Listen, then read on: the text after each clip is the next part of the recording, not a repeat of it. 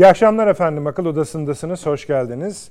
Bu akşam gayet kategorik konularımız var.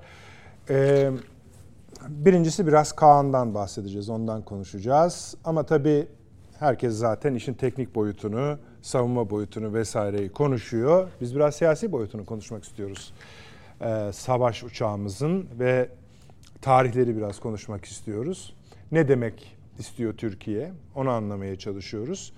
Bu akşam birinci konusu. İkinci konusu Ukrayna üçüncü yılına gidiyor efendim. Bir takım değişiklikler var. Bir üzerinden geçerim. Bu savaş hala devam ediyor. Türkiye'nin de e, bir ucundan hayli kuvvetli tuttuğu bir stratejik problem devam ediyor. Yani Ukrayna konuştuğunuzda aslında NATO konuşuyorsunuz, Avrupa konuşuyorsunuz, Karadeniz konuşuyorsunuz, Türkiye konuşuyorsunuz, Rusya, ABD zaten konuşuyorsunuz, kutuplar dahil konuşuyorsunuz ama bir de sahanın kendisi var. Orada da bir takım yenilikler var. Ona bakacağız. Sonra İsrail'e geçeceğiz. İsrail'i konuşacağız. Orada akıl odasının hangi yenilikleri gördüğünü sizinle paylaşacağız. Ve bu akşam için bizim en önem verdiğimiz konu Somali. Diyeceksiniz ki nedir yani? Neden bu kadar diğer bizim için çok hassas olan konuların önüne çıkıyor? Şu sebepten efendim. Türkiye ile Somali arasında bir savunma işbirliği anlaşması imzalandı. Biraz sonra onun haritalarını göreceksiniz. 10 ee, yıllık bir anlaşma bu. 10 yıl boyunca Türkiye bölge jeopolitiğinin en kıymetli coğrafyalarından birini deniz kuvvetleriyle korur hale gelecek. Mesela açılışta biraz gözünüze çarptırmaya gayret ettik. Bir harita var. Mesela uluslararası haber ajansları Türkiye'nin dünyadaki askeri yayılımının ne demek olduğuna ilişkin haberler yayınlıyorlar. Nerede Türkler var? Daha doğrusu nerede Türk ordusu, Türk Silahlı Kuvvetleri var? Bunların haritalarını yayınlıyorlar. Ve son yayınlanan harita dün idi. İçinde bizim bahsettiğimiz Somali yoktu.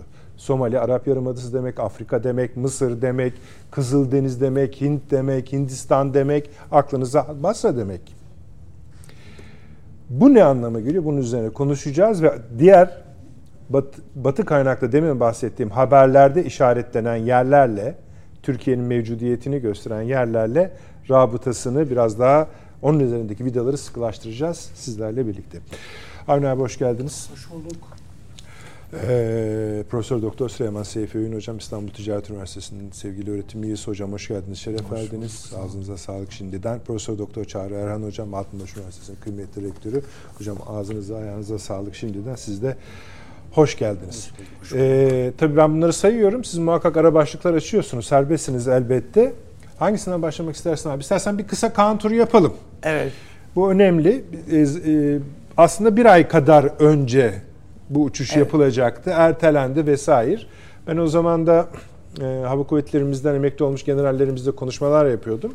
Onlar zaten hani şey diyorlardı. Ya hava şartlarını çok önemsiz görüyorsunuz. Çok önemlidir. Yani sabah kalktığınızda o günün hava şartlarına baktığınızda zaten uçurulup uçurulmayacağını fark edersiniz. Hani çok büyük analizlere de gerek yok ne zaman uçurulacağına dair diyorlardı. Fakat hepsi birden Kaan'ı çok çok önemsiyorlardı.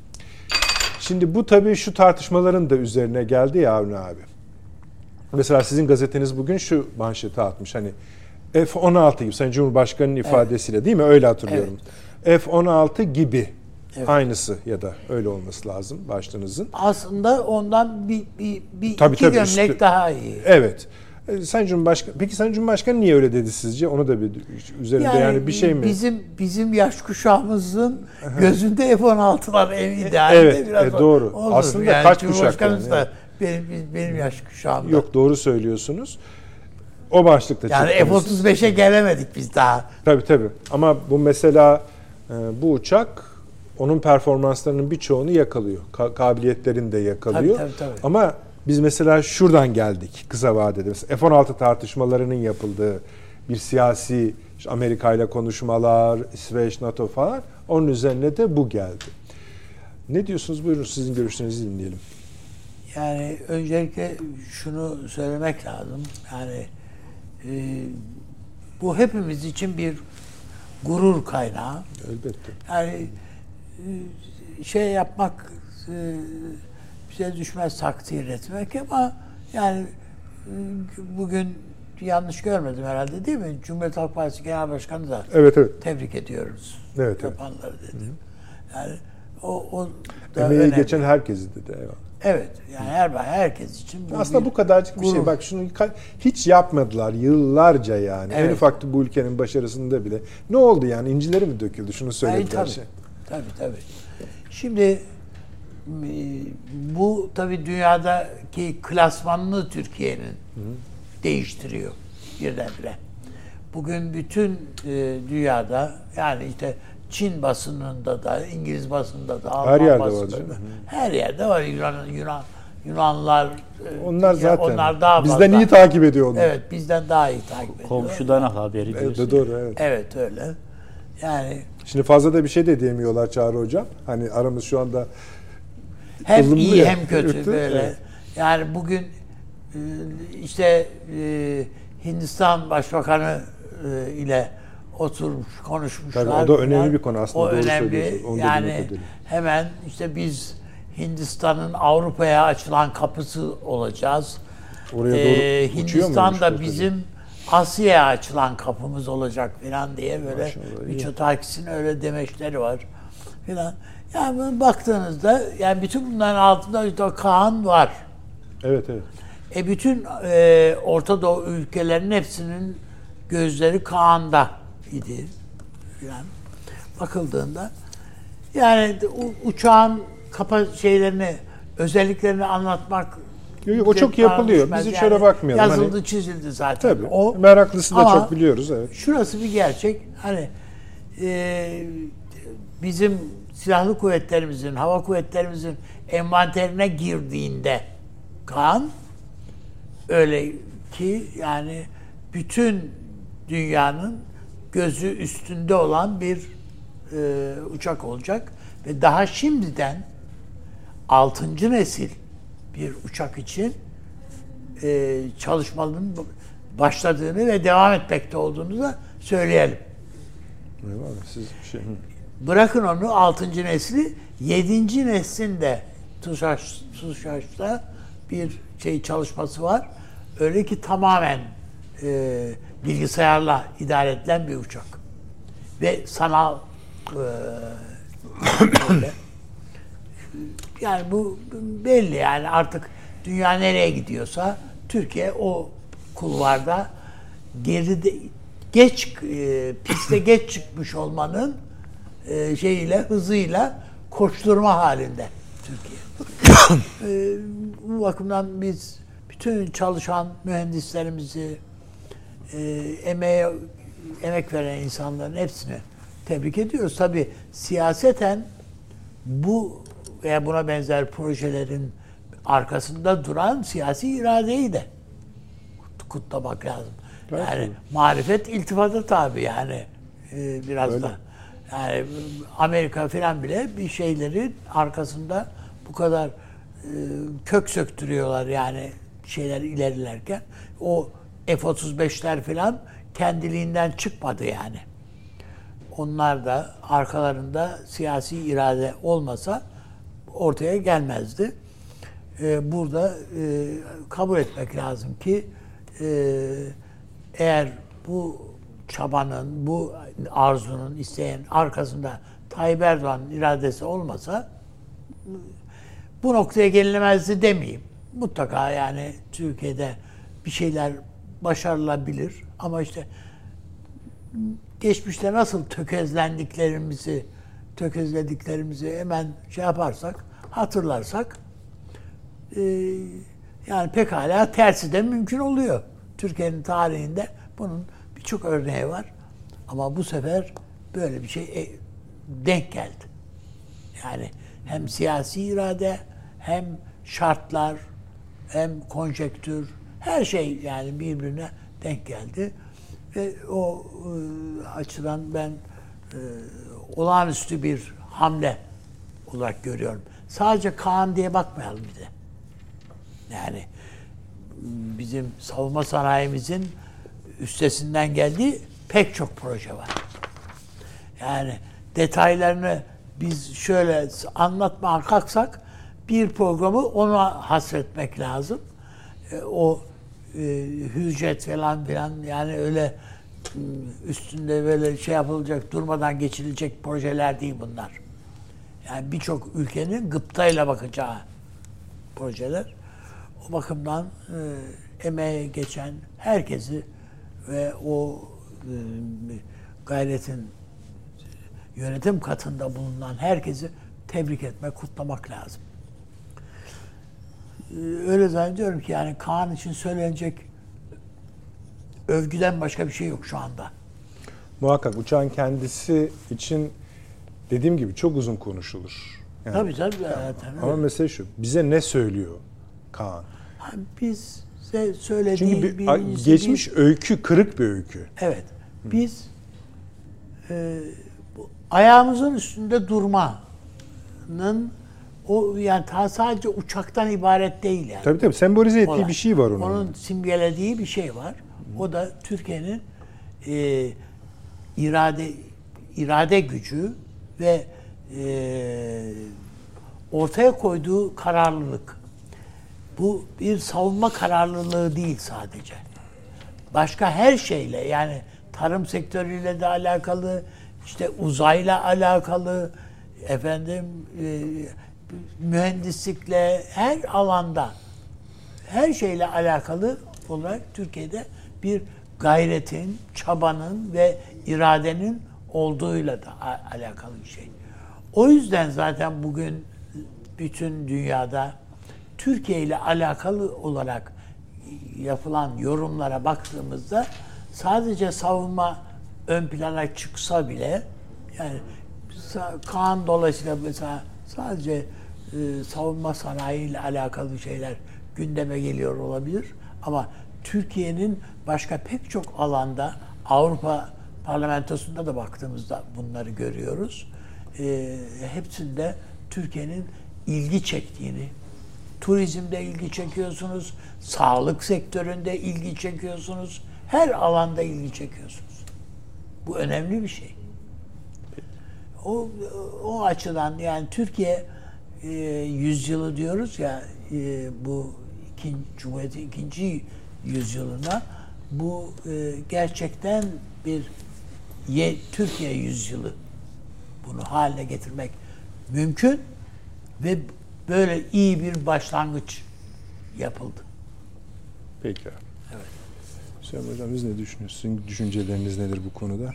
Valla tabii yani Avni Özgürel Üstad söylenmesi gereken şeylerin neredeyse tamamını söyledi. Kutlamalar faslına ben de katılıyorum canı gönülden.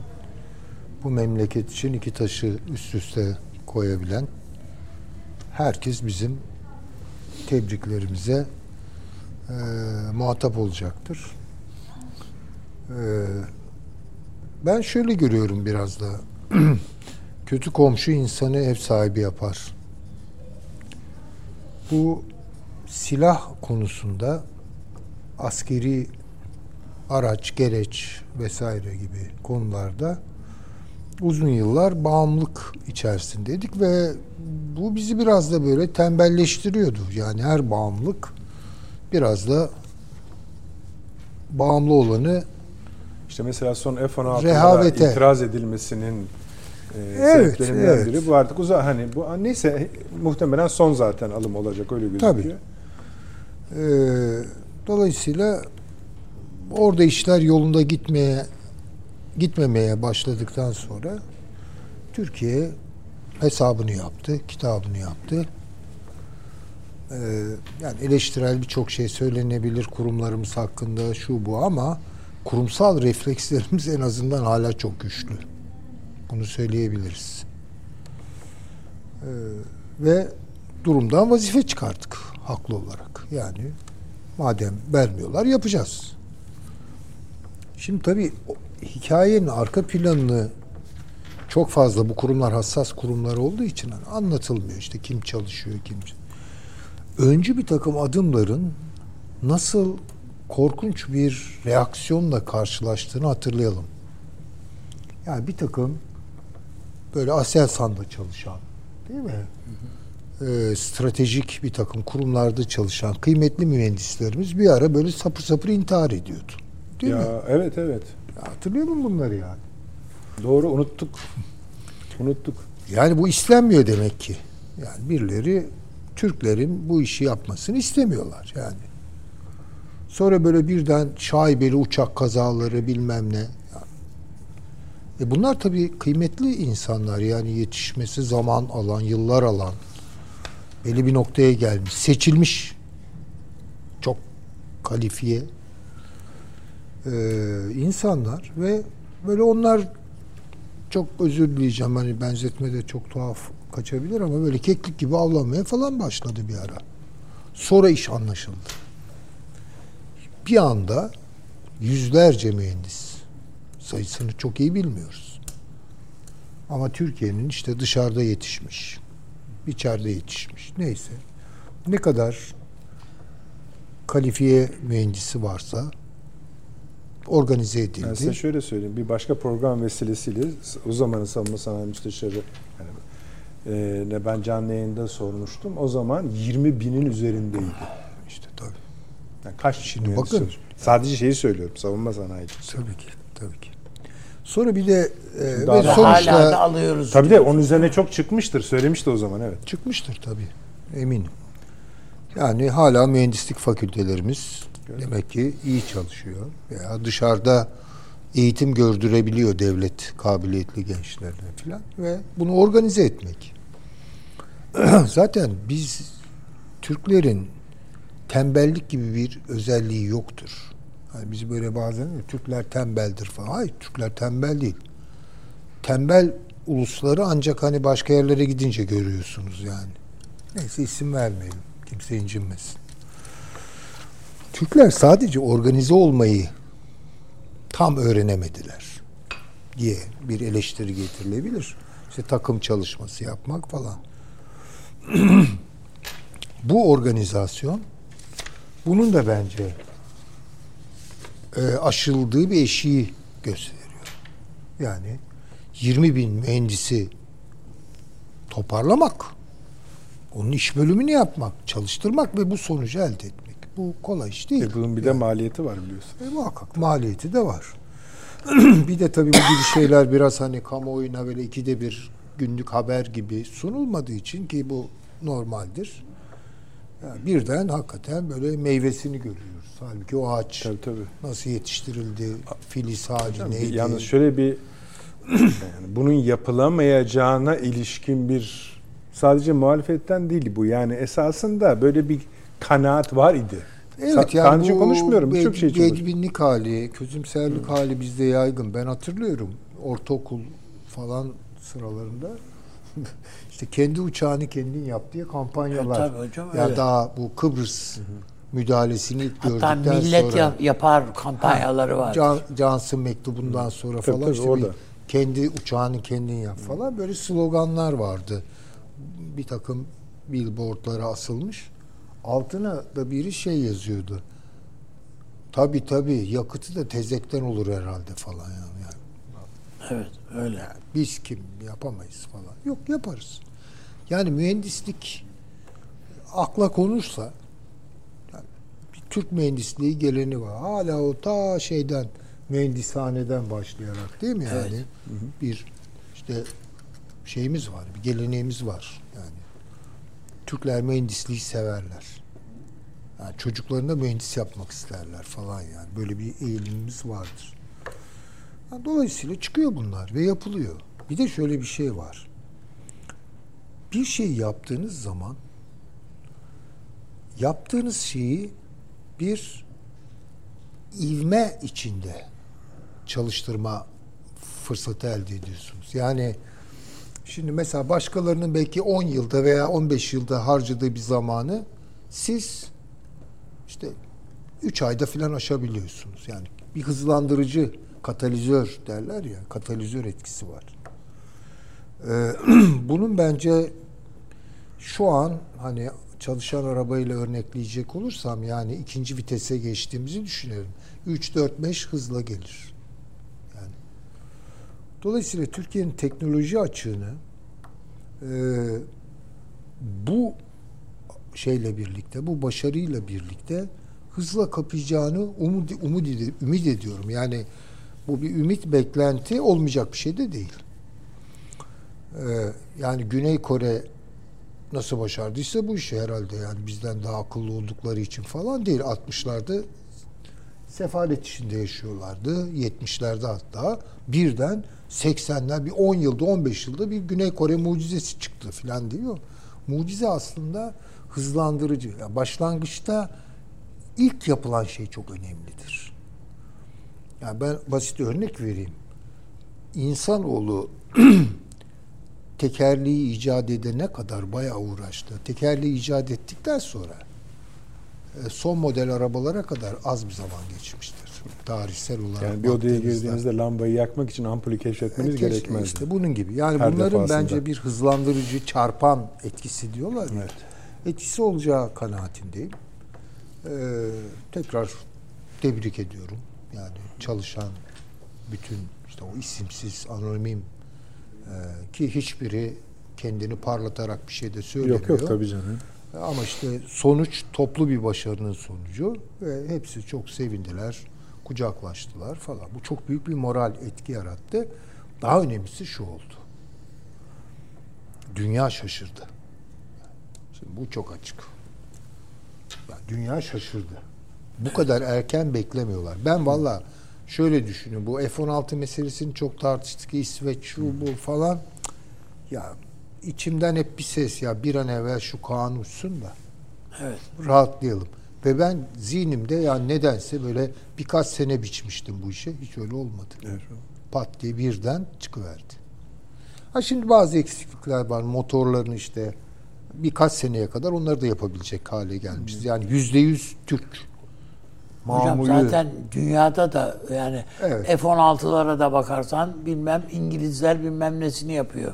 F-35'lerin bilmem nesini İşte tabii çok bilmem neleri yapıyor. güvenilmiyor ya onlara. Hani onu da kendimiz yapsak çok daha iyi olur. Ha, tabii Gayet canım, gayet- doğru. Ki olmayacak Ama- bir şey iki sene falan diyor. Ben de bir bu işlerden anlayan bir Ama zaten bu böyle konuştum. olur. Başka türlü de. Ya kendi başına havada uçan motor gördünüz mü? Ay şimdi en önemli şey şuymuş benim yani uzman arkadaşlarımdan öğrendim.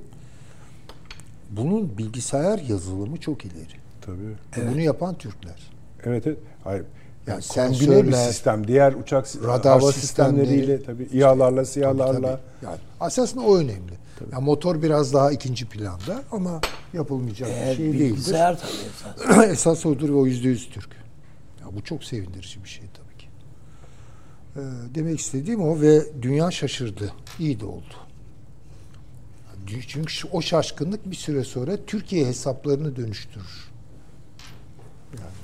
Evet. Kendi uçağını kendi yapabilen bir Türkiye Doğu Akdeniz'de, Orta Doğu'da ne diyecekseniz Karadeniz'de, Kafkaslar'da çok daha lafı dinlenen ve e, hesaba başka türlü katılması gereken bir devlet olarak algılanacaktır. İşte bildik söz, düşmanlarımız korksun, dostlarımız sevinsin. E tabii ki Haydar Aliyev seviniyor. Değil mi yani? Tabii öyle. Kuzey Kıbrıs'taki e, İlham ediyor. evet dostlarımız seviniyor. Ya bu dünyada bu memleketi seven kim varsa seviniyor, seviniyor. Bu toplu bir sevinç. Bazıları da eyvah falan ne oldu bu kadar da beklemiyorduk. E, şaşkınlığını yaşıyor. Ya Esasında hocam şöyle bir şey var. Şimdi günlük e, batı basını bunu tam da sizin dediğiniz gibi hem haberini verdi hem şaşkınlığını verdi. Şaşkınlar evet. Ama bir de biliyorsunuz özellikle havacılık alanlarında, havacılık savunma alanlarında özel periyodik yayınlar vardır. Asıl onlar konuyu bilirler ve takip ederler. Onlar Kaan'ı e, genellikle bir Türk sisteminin ortasına oturtarak anlattılar konuyu. Yani mesele sadece Kaan değil, Türkiye bir sistem yaratıyor. Evet işte o. Evet. Yani Evet işte, tabii. ve bu sistem hem askeri bir sistem hem teknolojik bir sistem hem de politik bir sistem. Buraya oturtuyor. Kıymeti burada Kaan'ın diye. Yani tabii bunu hemen şeye de dönüştüreceklerdir. İşte Osmanlı hortluyor.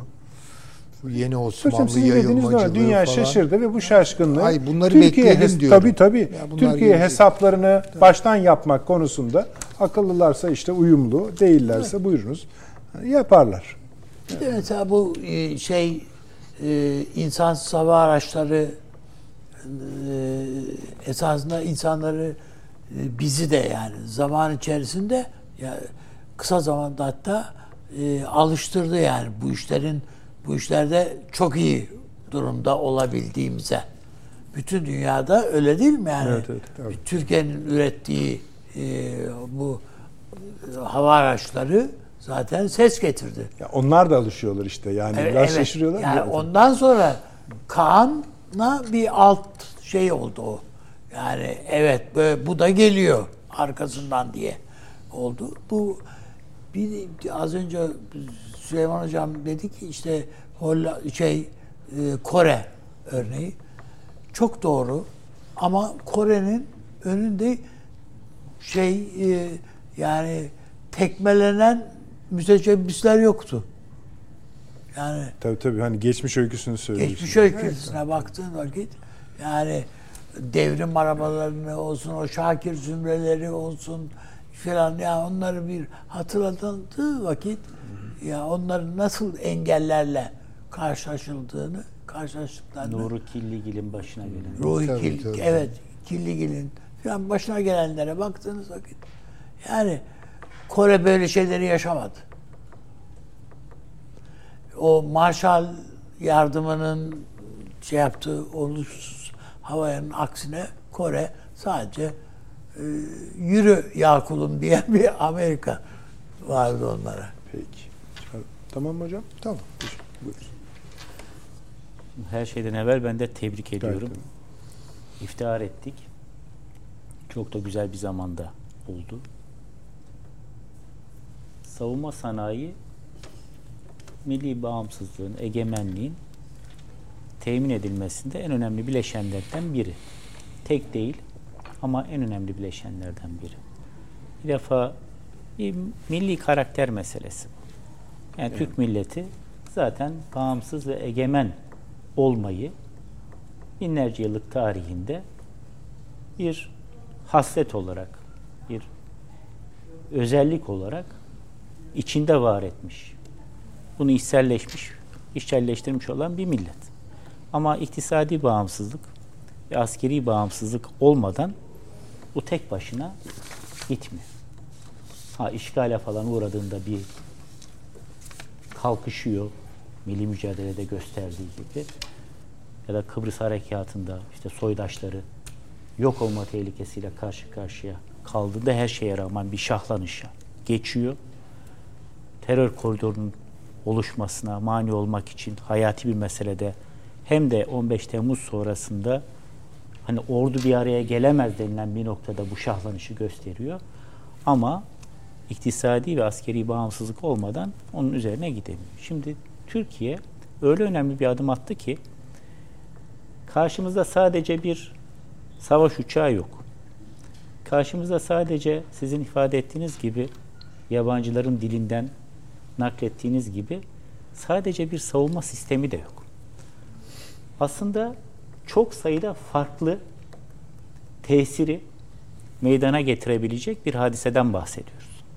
Kaan'ıyla, Anadolu TCG Anadolu gemisiyle, şimdi kızağa oturtulacak olan Yeni uçak gemisi. yeni uçak gemisiyle, fırtına obüsüyle, şunuyla bunuyla. Bir defa savunma sanayi, evet siyasi bağımsızlığın teminatının teminat altına alınmasının önemli bileşenlerinden biri ama aynı zamanda dost ve müttefiklerle ilişkilerin geliştirilmesinde en önemli araçlardan biri.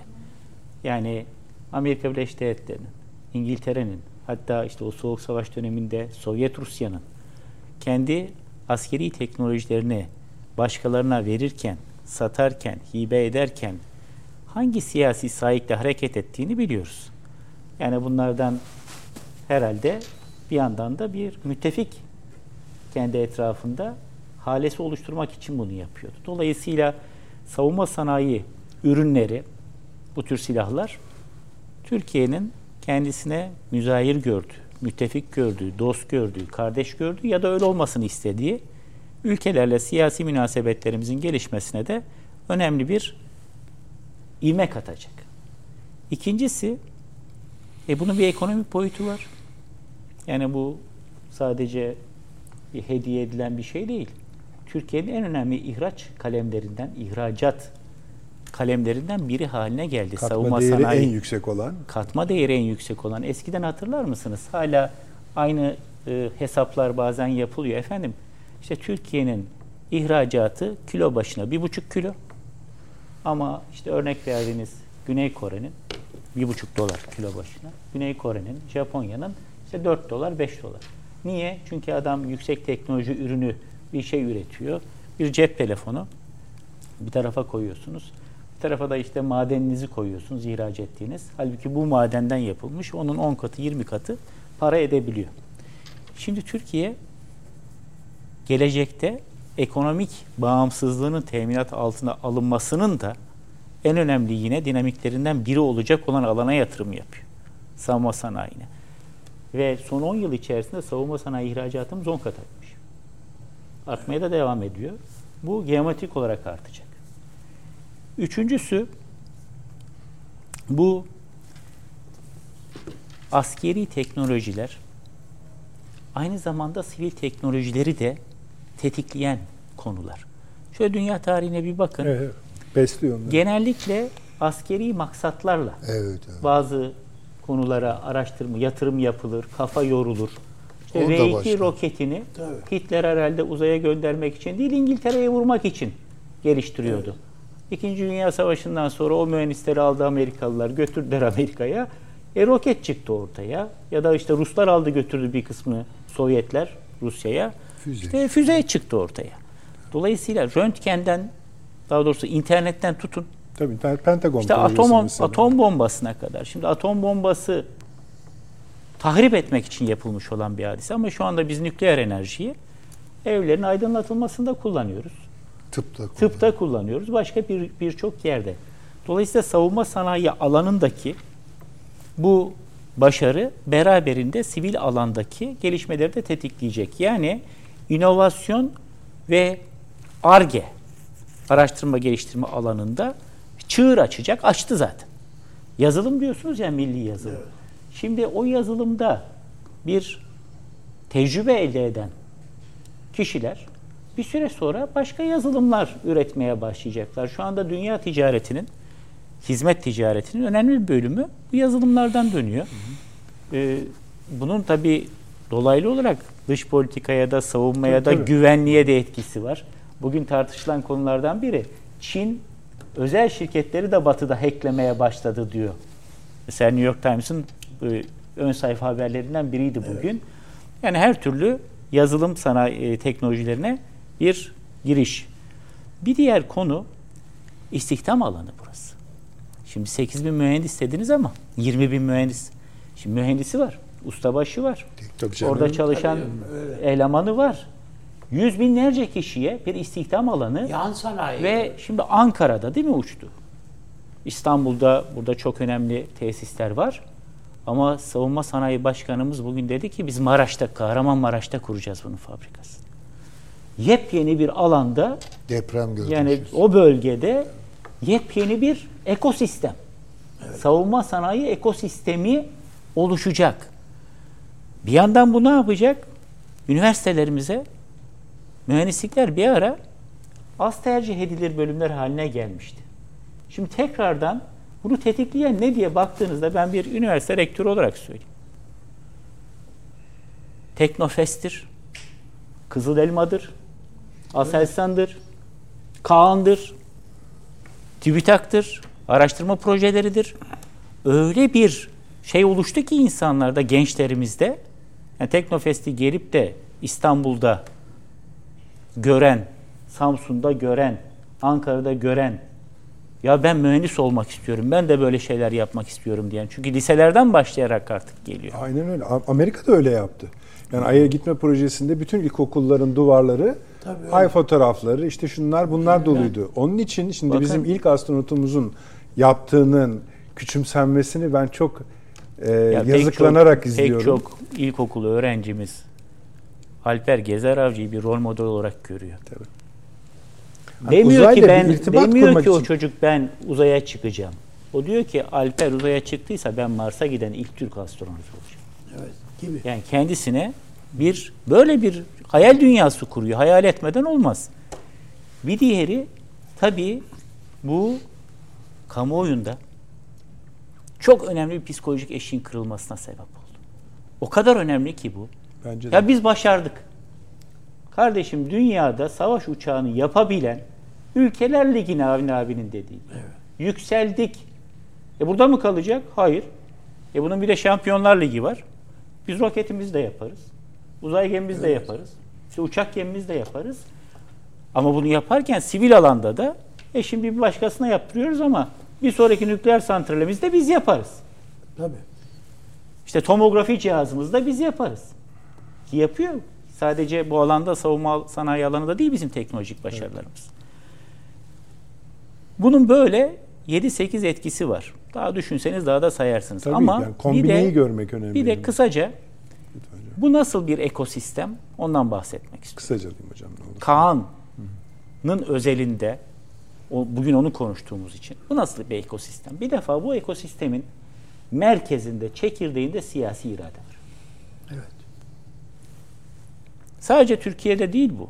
Dünyanın neresinde olursa olsun böylesine büyük projeler siyasi irade olmadan gerçekleşemez. Bunun etrafında milli müteşebbis var. Çok önemli. Ben ülkeme yatırım yapacağım. Ülkemin kazanması için hem siyasi anlamda hem iktisadi anlamda kazanması için çalışacağım diyen milli müteşebbis. Onun etrafında az önce Süleyman Hocam'ın ifade ettiği uyumlu çalışan, senkronize bir kurumsal yapı. Şimdi bölük pörçük. Bizim savunma sanayi kurumlarımız yok muydu? 80'li yıllarda Havelsan kuruldu. Aselsan 70'li yıllarda kuruldu. Öyle. Vardı orada bir Aselsan, orada bir Havelsan, orada bir başka askeri şey, fabrika, şu bu, tersane.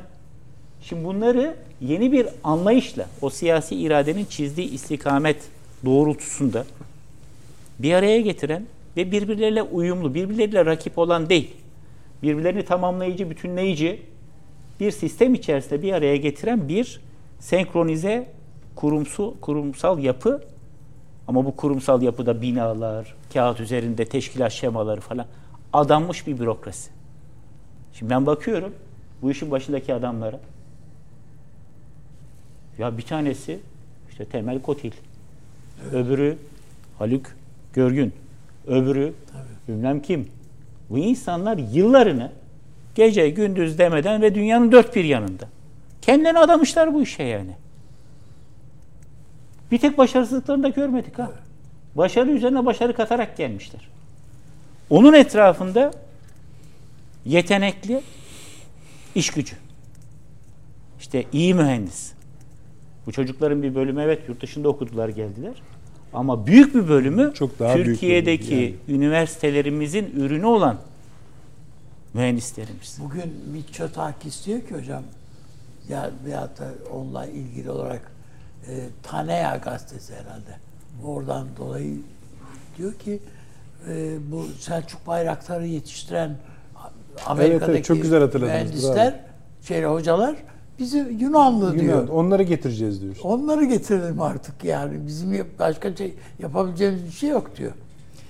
Ama Sistemi orada getirmeden ama orada da unuttuğu bir şey var. İşte bu ekosistemin hepsinin etrafında böyle bir daire var. O da kucaklayıcı toplumsal destek. Ya şunu gökyüzünde görüp de defalarca seyredenler biliyorum ben ha. E tabii doğru. Videoyu Yani. çekiyor, bir daha seyrediyor. Çekiyor, bir daha seyrediyor. Yani Evet. 7'sinden 77'sine kadar. İlkokul çağındaki çocuktan yaşlı emekli ninesine kadar gururla bunu seyrediyor. Alper Gezer Avcı'ya da öyle sahip çıkıyor. Öyle tabii. Bunu uçuran Barbaros pilotumuza da, Savaş albayımıza da de. öyle sahip çıkıyor. TCG Anadolu'yu kullananlara da o 29 Ekim'de Gördük hepimiz o Boğaz'da. muazzam geçişi organize edenlere de aynı şekilde sahip çıkıyor ve gurur duyuyor. Ya sandıkta kim oy verdiği önemli değil. Tabii. Şunu oy verdi, bunu oy verdi. Ya bu benim diyor. Yani bu Evet. Evet, Türkiye'nin öyle. ürünü ve Türk milletinin malı. Bu. Evet. Bu kadar. Dolayısıyla bu ekosistemi var ettik. Ben öyle düşünüyorum ki öyle bir noktaya gelindi ki bu. Böyle plansız, programsız, tesadüfi Newton gibi böyle ağacın altında bir kafasına elma düşmüş yer çekimi falan değil. Planlı programlı gidildiği için Peki. bundan sonra da üzerine katarak yeni bir takım gurur vesilesi olacak olan e, ürünlerle, teknolojik ürünlerle devam eder. Çok Şimdi teşekkür ben ederim. ekleyeyim Buyurunuz hocam. istiyorum. Bir iki sene önce bize desin, bana, bana deselerdi ki Amerika'da biz bir silah fabrikası kuracağız ve Amerika bizden bunu talep edecek deselerdi güler geçerdim yani gitti ya. Yani bu zaten silah üreten bir ülke zaten diye. E bugün bakıyorsunuz Teksas'ta kurulan top Evet. fabrikası değil mi? Şimdi 155 milimetre top üretmek için kuruluyor. Ee, Nerede lazımmış o ki?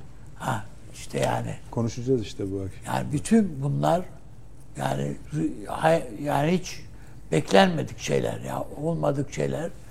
Ee, geçmişte biliyorsunuz bu bizim dışarıdan öylesine ithal ettiğimiz e, bir şeyi, teknolojiyi o da parça parça. Hatta bir kısmının motorlarını Türkiye'ye vermeyelim, başka yere satmasın, şu bu filan diye yasaklamalar Türkiye'ye getirenler. Şimdi o fabrikaları kurabiliyoruz. O zaman bu s- şeye gelelim Süleyman Bey müsaade ederseniz. Buna bakarak neler yapılacağına. Yani dediniz ya onlar şaşırırlar. Şaşırınca da Türkiye'ye yönelik hesaplarını başka türlü Başka yaparlar. türlü yapmak zorundalar. Şimdi demin En azından bakarlar hesaba bir daha burada ne oluyor falan diye. Elbette. Bir örnek üzerinden ben o soruyu size açayım. Devam edeceğiz. Bundan açılışta bahsetmedik efendim ama bizim ana konularımızdan biri esasında bu. Ee, Yunanistan ve Türkiye e, bir ortak eylem yaptı. Girişimde bulun, girişime katıldı. Avrupa gök, gökyüzü kalkanına dahil oldular. Bu dördüncü dalgaydı. Başını da Almanya çekiyor. Fakat biraz ikircikli çekiyor şu açıdan. Kendisi bu adımları atarken bir NATO uzantısıymış gibi bunları yapıyor. Mesela e, savunma bakanlarının yani Sayın Güler'le Dendias'ın imza attığı mekan NATO'ya aitti ama NATO'nun içindeki Alman e, ofisine de yapıldı, masası üzerinde yapıldı. Şimdi mesela bu ne demektir? Bu anlattığımız öykülerin devamında o hesapların içinde nereye denk düşmektedir?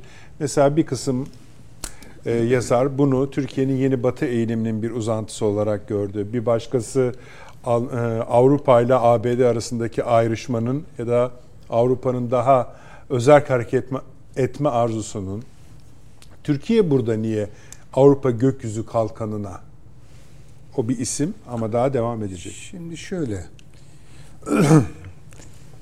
Türkiye'yi e, bağımlı hale getiren, özellikle askeri açıdan, güvenlik açısından bağımlı hale getiren süreçler NATO süreçleri. Bunu söylemek malumu ilam etmektir. Davamız ne? Türkiye'nin davası ne? Mümkün mertebe bu bağımlılık ilişkilerini en aza indirmek. Bu ne sağlar Türkiye'ye? Yeri geldiği zaman hayır deme imkanını sağlar. Zaten mutlak bağımsızlık olmaz. Yani Tamam. o onu Zaten şimdi- kastettiğimiz Yöreli- o değil artık. Evet. Ha, yani böyle tam bağımsızlık diye bir şey olmaz. Dünyada kimse tam bağımsız filan değil. Ama bağımlılıklarımızı en aza indirmek bizim hareket serbestiyet, serbestliğimizi, bizim etkinlik e, alanımızı büyütür. Bu ne kadar arttırabilirseniz bu sahayı o kadar bağımsız olduğunuz, müstakil davrandığınız e, ortaya çıkıyor. Bu bugünden yarın olacak bir şey değil. Çünkü on yılların getirdiği bir şey var. Ve Türkiye işte bu İsveç örneğinde de gördük. İşte bir yere kadar bir şeyler söyledi, itirazlar yükseltti falan. Ondan sonrası zaten yani nasıl o ısrarda nereye kadar direnebileceğiz hep bunları konuşuyorduk. İşte bir yerden sonra kırılıyor. Çünkü böyle bir dünyada yaşıyoruz. NATO'yu çeşitli açılardan eleştirebiliriz. Ben de bunu yapanlardan biriyim. Yani sorsanız bana anti NATO musun? Evet anti NATO'yum. Ama bu bir anlamı yok. Evet. Ne yapalım yani şimdi çıkalım mı? Çıkarsanız ne olacağını söyleyeyim ben size. Rusya'nın gözündeki krediniz dibe vur. Rusya artık şöyle bakar Türkiye'ye yani. Ortalıkta dolaşan kanadı kopup kırılmış kuş gibi. Yani ne zaman bunu bakayım avlayayım yani. Bu, bu da çok tabii. Yani real politik açısından düşünürseniz yani böyle bakması son derece tabii. E NATO'ya niye girdik? E Rus korkusundan girmedik mi canım işte? Gayet açık. Şimdi Türkiye'yi Rusya'nın gözünde itibarlı kılan, dikkate alınması gereken bir aktör haline getiren süreç e biraz da Türkiye'nin arkasında NATO olduğu için. Rusya da şöyle bir Türkiye istiyor. Yani öyle bir Türkiye ile işbirliği yapmak istiyor. NATO'ya karşı bağımlılıklarını azaltmış. Çünkü biliyor ki yani NATO'dan kopması diye bir şey şu an Türkiye'nin söz konusu değil. Yani koparsa zaten hesaplar tamamen farklı bir hale gelir. NATO'ya karşı pazarlık gücü olan ama NATO'nun içindeki bir Türkiye'yi Rusya ciddi bir muhatap olarak kabul ediyor. Şimdi dolayısıyla oyunu kurarken böyle zihnimizden, gönlümüzden geçen şeyler üzerinden değil de bu realist çerçeve içinde götürmek durumundayız. Yani şöyle söyleyeyim ben. Bu Jean-Jacques Rousseau'nun meşhur lafıdır. Hani, hani bir tekerleme vardır. İnsanlar hür doğar, hür yaşar bilmem ne falan. Yani Jean-Jacques Rousseau diyor efendim insanlar zincirler içinde doğarlar. Ve zincirlerini gevşettiği nispette de özgürleşirler. O kadar özgür. Yani şimdi Türkiye içinde bulunduğu jeopolitik, politik coğrafya esas alındığı zaman neyi ne kadar yapabileceği bu siyaset sanatıdır. Yani siyaset ne zaman sanatsallaşır? Bir sanat haline gelir. İmkanlar doğru hesaplandığı zaman. Yani siyaset sanatı imkanları düşünen bir sanattır. Onun için de en fazlayı elde etmeye çalışmak işte onu Maksimize. evet onu sanatçısını kıymetli hale getirir. Neyse. Şimdi dolayısıyla yani Türkiye ne yapıyor? Nereye kadar ne yapıyor? Ne kadar yapabiliyor? Bütün bunları bence ölçülü tartışmakta fayda var. Bu sistem Almanya'nın falan değil. Bakın şimdi Almanya'ya bu Almanya burada taşeron. Almanya'nın NATO bağımlılığı Türkiye'nin NATO bağımlılığına benzemez. Almanya'nın NATO bağımlılığı her taraftan kuşatılmış. Yani zincirler içerisinde. Bir de o zincirler kazığa bağlanmış yani öyle. Çıkacak da Almanya kendi kendine ben burada bir işte şey yapacağım falan. En büyük korkusu nedir bugün Avrupalıların? Acaba Amerika bizi terk edecek mi? Değil mi yani? Tabii şu Yani andaki endişeleri bu. Trump meselesi. yani yani. şöyle düşünmüyor Almanlar. Ya defolsun gitsin de Amerika biz de işimize bakalım. Biz de kendi şeyin. Hayır.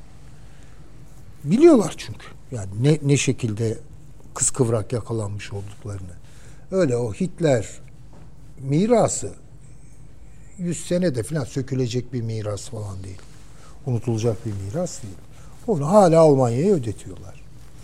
Onu ayrıca konuşabiliriz. Bu bir NATO projesi tabii ki. Yani NATO bir tarafta Almanya kendi kendine bunu yapıyor. Böyle bir şey söz konusu değil. Biraz daha sesini yükseltebilen Fransa'dır. Bu De Gaulle geleneği. Ama tabii De Gaulle geleneğini Sarkozy gibi adamlar, Macron gibi adamlar taşıyamazlar. Onlar ancak sızlanırlar. Yani şöyle olsun falan işte. Dedikodusunu Ya yapar. dedikodusunu yaparlar. Yani böyle çok yürekli bir şekilde giremezler yani. De Gaulle gibi bir yürek yok çünkü hiçbirinde. O ayrı bir hikaye. Dolayısıyla yani Avrupa'nın durumu tabii ayrıca konuşulabilir ama ben buna bir NATO projesi olarak bakıyorum. Ve e, Türkiye'nin buna hayır deme ben buraya girmeyeceğim falan dışarıda kalacağım. Şöyle olur. İnşallah işte bu teknolojik gelişimler kendi hava savunma sistemimizi mesela İsrail'in olduğu gibi bu demir kubbe falan yaptım diyor ya. Abi Türk demir kubbesi falan oluşturulur. Ama bu hayır o zaman konuşulur yani. Ee, o da tabii bilemiyorum yani hemen devreye sokulur mu nasıl sokulur onları e, ölçülü görmemiz gerekiyor. Dolayısıyla yani niye katıldı diye bir soru bence çok e, anlamı olmayan bir soru. Çünkü NATO ile rabıtası gözükmüyor ama Efendim, var yani. yani NATO'yu tard ederek şu an bir şey yapamazsınız. Ama NATO'ya karşı olan bağımlılıklarınızı düşürdüğünüz nispette daha ayakları üstünde duran bir Türkiye çıkar. Peki Yani bunu NATO'ya da yer yer itiraz edebilir, yer yer fikir verebilir, yer yer bir dakika diyebilir yani bunlar zaman içinde anlaşılacak. İşte kendi uçağını yapan bir Türkiye'ye yani ben Washington'dan emirleri gönderiyorum sen de e, git nöbete falan diyemezsiniz yani. O açık. Hesaplar değişecek derken kastım birinci turda oydu zaten. yani sorduğunuz zaman Almanlara bu bir hava savunma sistemi arayışıdır. Evet. Efendime tekniğini söylüyorlar. E bunu tek başına yapmaya kalkarsa ülkeler çok şey olur. Maliyetli de olur NATO. diyor. Bu tabii 2022 ortalarında yapılan konuşmalar. 2022'nin sonuna doğru Avni abi Ha. Belçika, Bulgaristan, Çekya, Estonya, Finlandiya, Almanya, Macaristan, Letonya, Litvanya, Hollanda, Norveç, Slovakya, Slovenya, Romanya ve İngiltere buna Baş müteahhit İngiltere tabii, Tabii, ki. herhalde olabilir, Tabii, bilmiyoruz. Elbette tabii. Ama hani e, eğer oysa bile bunun başkatipliğini yapan da şey Berlin. Tamam. İşte fakat işte burada şey yok. Ee, Amerika yok derken şunu kastediyorum. Hani niye gözükmüyor mesela? Yani niye gözüksün ki yani şimdi patron ya patron. yani Amerika dikkat edin yani. NATO'su var, CENTCOM'u var, bilmem nesi var yani dünyayı yönetirken böyle daha parçalı yapılar üzerinden yapıyor bu işi. Peki o zaman şunu Yalnız şunu söyleyeyim hı, buyurun. izninizle. Estağfurullah. Trump gelirse şöyle diyecek bakın. Şaşırmayalım. Hazır Tabii, yapalım kendiniz bunu. devam edin diyebilir. Yapalım bunu herkes bunun altına elini soksun bakayım falan. Şunu da o zaman Ha, o zaman da bakın neler çıkacak. peki. Şimdi bu sistem tabii bir takım füzeler almak zorunda Avni abi. Tabii. Füzeler var. Ama Tabii var, Amerika'da duruyor yani. Tabii. Bunları da şöyle İngiltere'de de duruyor. ABD yapımı Patriotlar ve e, ABD-İsrail ortak yapımı Arrow 3 füzeleri bir de Almanların e, tabii ki Iris-T SLM dedikleri füzeler. Bunlar. Amerika'nın yakın zamanda Türkiye'ye gönderdiği adamlar biliyorsunuz görüşmeler oldu değil mi? Bir takım adamlarla görüşüldü. Ya bir, bir sürü senatör bu, gelip gidiyor. bu. Yani bu tabii sen, işte şunu diyorlar. Yani şu S400'leri Ha evet o başladı. yani o başladı. o- onları bir çek. Tabii. Ee, artık Yani ne tabii- yani bunu nereye göndereceksen veya hangi depoya kaldıracaksan Onu şöyle kibarca Teminatlı. söylüyorlar. Ya bu sorunu aşmanın yollarının var olduğunu gözlemliyoruz diyorlar. öyle öyle tabii, Tabii. söylüyorlar. Şimdi ne Yani- oluyor yani? Hay şimdi tamam ol- olabilir. Yani şimdi S400'leri biz e, denize mi atacağız yani ne yapacağız yani? Canım işte Yani- denize at demezdi adam. E, İşte yani tamam eyvallah onu belli bir yerde tutarsınız. Yani bu Yani para- çünkü bunu aktive etmek e, bir senelik bir hazırlık falan gerekmiyor. Yarım saatlik iş. Tabii aktive öyle. etmek istediğiniz zaman Tabii edersiniz. canım yani. hemen yaparsınız yani. O zaman Türkiye herhalde ona göre bunun pazarlığını yapıyor. Deniz atacak hali yok. Tabii. Şimdi bu şöyle yansıyor efendim. Hani günlük haberler içinde bunları göremiyoruz ama mesela bir büyük ziyaret olduğunda tabii ki ekranlara yansıyor bu. Dışişleri Bakanımız, Cumhurbaşkanı, Savunma Bakanı vesaire bir görüşme yaptığında yansıyor. Fakat arada seri olarak mesela Amerikan senatörleri geliyor. İşte bunlar Üst üste konuşuluyor. yani. Ve çıkarken de yakaladığınızda, yak- bizimkiler yakalamıyordu. Onlar giderken Tabii. gelirken yapıyorlar açıklamaları. Efendim işte şeyi de konuştuk tabii bu arada. Suriye çok önemliydi. Gazze'yi konuştuk. Bu tabii S-400'ler de diyor bir yöntem bulunabilir. O havayı Tabii edindim bunu, ben diyor. bunu yapacaklar şimdi. Bu da Türk Böyle bir hariciyesi ısınma hali var. herhalde burada biraz pazarlığını yapacak. Bilemem ben yani. Yani S-400'leri biz çöpe atacağız Yok canım öyle bir şey yok da. tabii bu. Hani Yani yani sonuçta yeniden e, e, bu ne Bizim- anlama bizim- geliyor peki yani? Ha bakın bu ne biliyor musunuz? Bu İngiltere'nin projesi. İngiltere Türkiye'yi uzun bir zamandır Baltık Cumhuriyetleriyle Doğu Avrupa'daki uzantılarıyla birleştirmek istiyor. Rom, Bükreş dokuzlusu bilmem ne dediği şey bu. Evet. Ya istiyor ki oraya Türkiye kilitlensin ve anti Rusya bir pozisyona dahil olsun. Yani çünkü bu savaş çıkacak. Öyle düşünüyor. Yani Avrupa ile Rusya girecek birbirine. Dolayısıyla Türkiye'ye burada bir rol vermek. Şimdi bakın bunu yönetmek diye bir şey var. Yani siz bunu nasıl yöneteceksiniz? Şimdi şöyle bir başlangıçta reddedi. Hayır biz girmiyoruz kardeşim ne yapar ne haliniz var. Şimdi bu böyle bir şey olmuyor. Dahil olursunuz da o dahil oluş süreçlerinde bugüne kadar elde etmiş olduğunuz avantajları devam ettirirsiniz.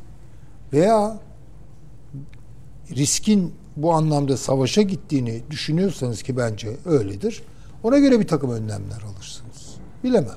Yani bu hariciyenin yürüteceği değil mi yani Türkiye Cumhuriyeti Devleti'nin ilgili kurumlarını filan yürüteceği bir takım süreçlerden sonra anlaşılır.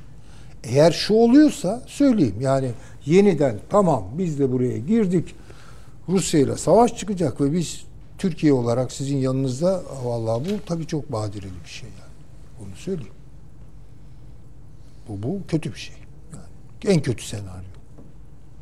Ama Türkiye kendine göre pazarlık gücünü kullanarak belli mesafeler, Türk-Rus ilişkilerini ortaya atarak ne bilemem yani Karadeniz'i filan konuşarak. Geçelim. Peki. Ama dediğiniz gibi bu tehlikeli siyasi dalgaları da çok olacak. bir şey. Ya Yani tabii riskli. Ben e, hocama Ukra- katılıyorum. Bir İngiltere'nin projesi bu. E, Almanya'yı Kullanalım. talimatlandırmışlar. Bravo. Anladığım kadarıyla.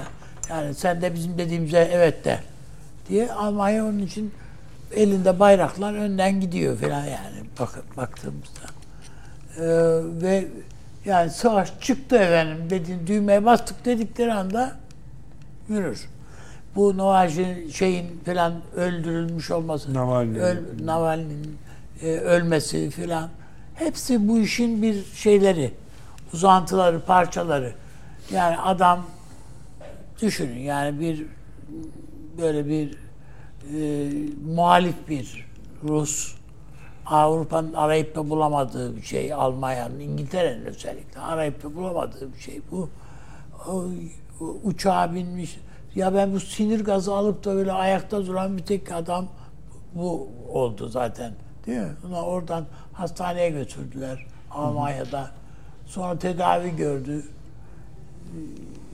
Efendim e, bu Soros'un filan da desteklediği filan filan bir şey e, yapı. E, Sonra tekrardan Rusya'ya döndü. Niye dönüyor? Niye diyorsun? Tekrar madem sen sana karşı bir şey var. Bu Putin'in de sana göre yani seni rahat bırakmayacağı belli. Göstere göstere yani oradan da Sibirya, oradan da öldü efendim diye bir açıklama. Bu Putin bu kadar saf bir adam mı yani? Eline teslim edilmiş bir tane muhalif adam. Bunu götür Sibirya'da öldür filan. Yani ve bunu Ya sa- peki bir şey söyleyeceğim. işte Öldürsen şimdi hanımıyla da şimdi hiç böyle bir saflık olacağını yani Putin bunun üstüne kalacağını bilmez mi? Hanımı üstünden tamam da abi öyle olsa şimdi- ne olur yani? Hayır da yani E, Wagner'i unutma. Da, e, tabii de yani Ama aynı şey değil. Değil. yani bu bu daha farklı bir şey. Bu siyaset. Çünkü şimdi hanımı üzerinden de şov yapılıyor zaten. Bütün şeyde Almanya'da, İngiltere'de falan. Yani bunların hepsi olabilir, bilinebilir. Ama yani bunlara kafa yoran falan da pek yok yani. O yüzden cezaevinde duran siyasi mahkumların e, şeylerine bu, bu, bu tür örnekler bağlamında bakmak lazım yani bir. Herkes için. Bu Sessizlik istemiyor mu burası? Yani Yani bu batıda birileri e, bir gözlerine kestirdikleri bir lideri hırpalamak istiyorlarsa bu tür provokasyonlar ve bu tür hedefler e, şey yapılmayız yani. Onlar gözlerine kestirirlerse e, hamle yapabilirler yani. şimdi bu Carlston'la bir mülakat yaptı değil mi Putin? Tabii tabii. Evet. Çok enteresandı. Putin söylüyorsunuz. Tabii. Evet. Onu biz gündeme getiremedik galiba. Getiremedik, Başka boşluk şey. vardı, evet. Ha. Hocam iki buçuk saatlik şey şimdi Ben Türkçesi de var. bol soluksuz izledim. Bazı yerleri birkaç defa izledim. Şimdi iki taraf açısından da çok başarılı. Harika bir mülakat. Yani o Carlson denilen adam da hani böyle çanak sorularla falan işte böyle. Bu çünkü Trump'ın yakın adamlarından biri biliyorsunuz. Hiç öyle değil. Kalitesinden bir gazeteci olarak hiç ödün vermeden çok böyle seçilmiş, vurucu, belki Putin'i zora sokacak, bilecek bir sürü soruyu da sordu. Putin de bunları müthiş bir ustalıkla karşıladı. Şimdi düşünebiliyor musunuz? İlk defa bir Rus devlet ki bütün dünya tutuklama emri var adam için yani. Yakalasalar mahkemeye çıkaracaklar Öyle bu durumda. Amerikan kamuoyu ilk defa Putin'i duydu. Ve Tabii. çok ilginç. Yani aa şaşıran ya Putin de yok öyle değilmiş falan diyen. Şimdi tam bu başarıyı yakalamışken Putin gidecek Navalny'yi öldürecek.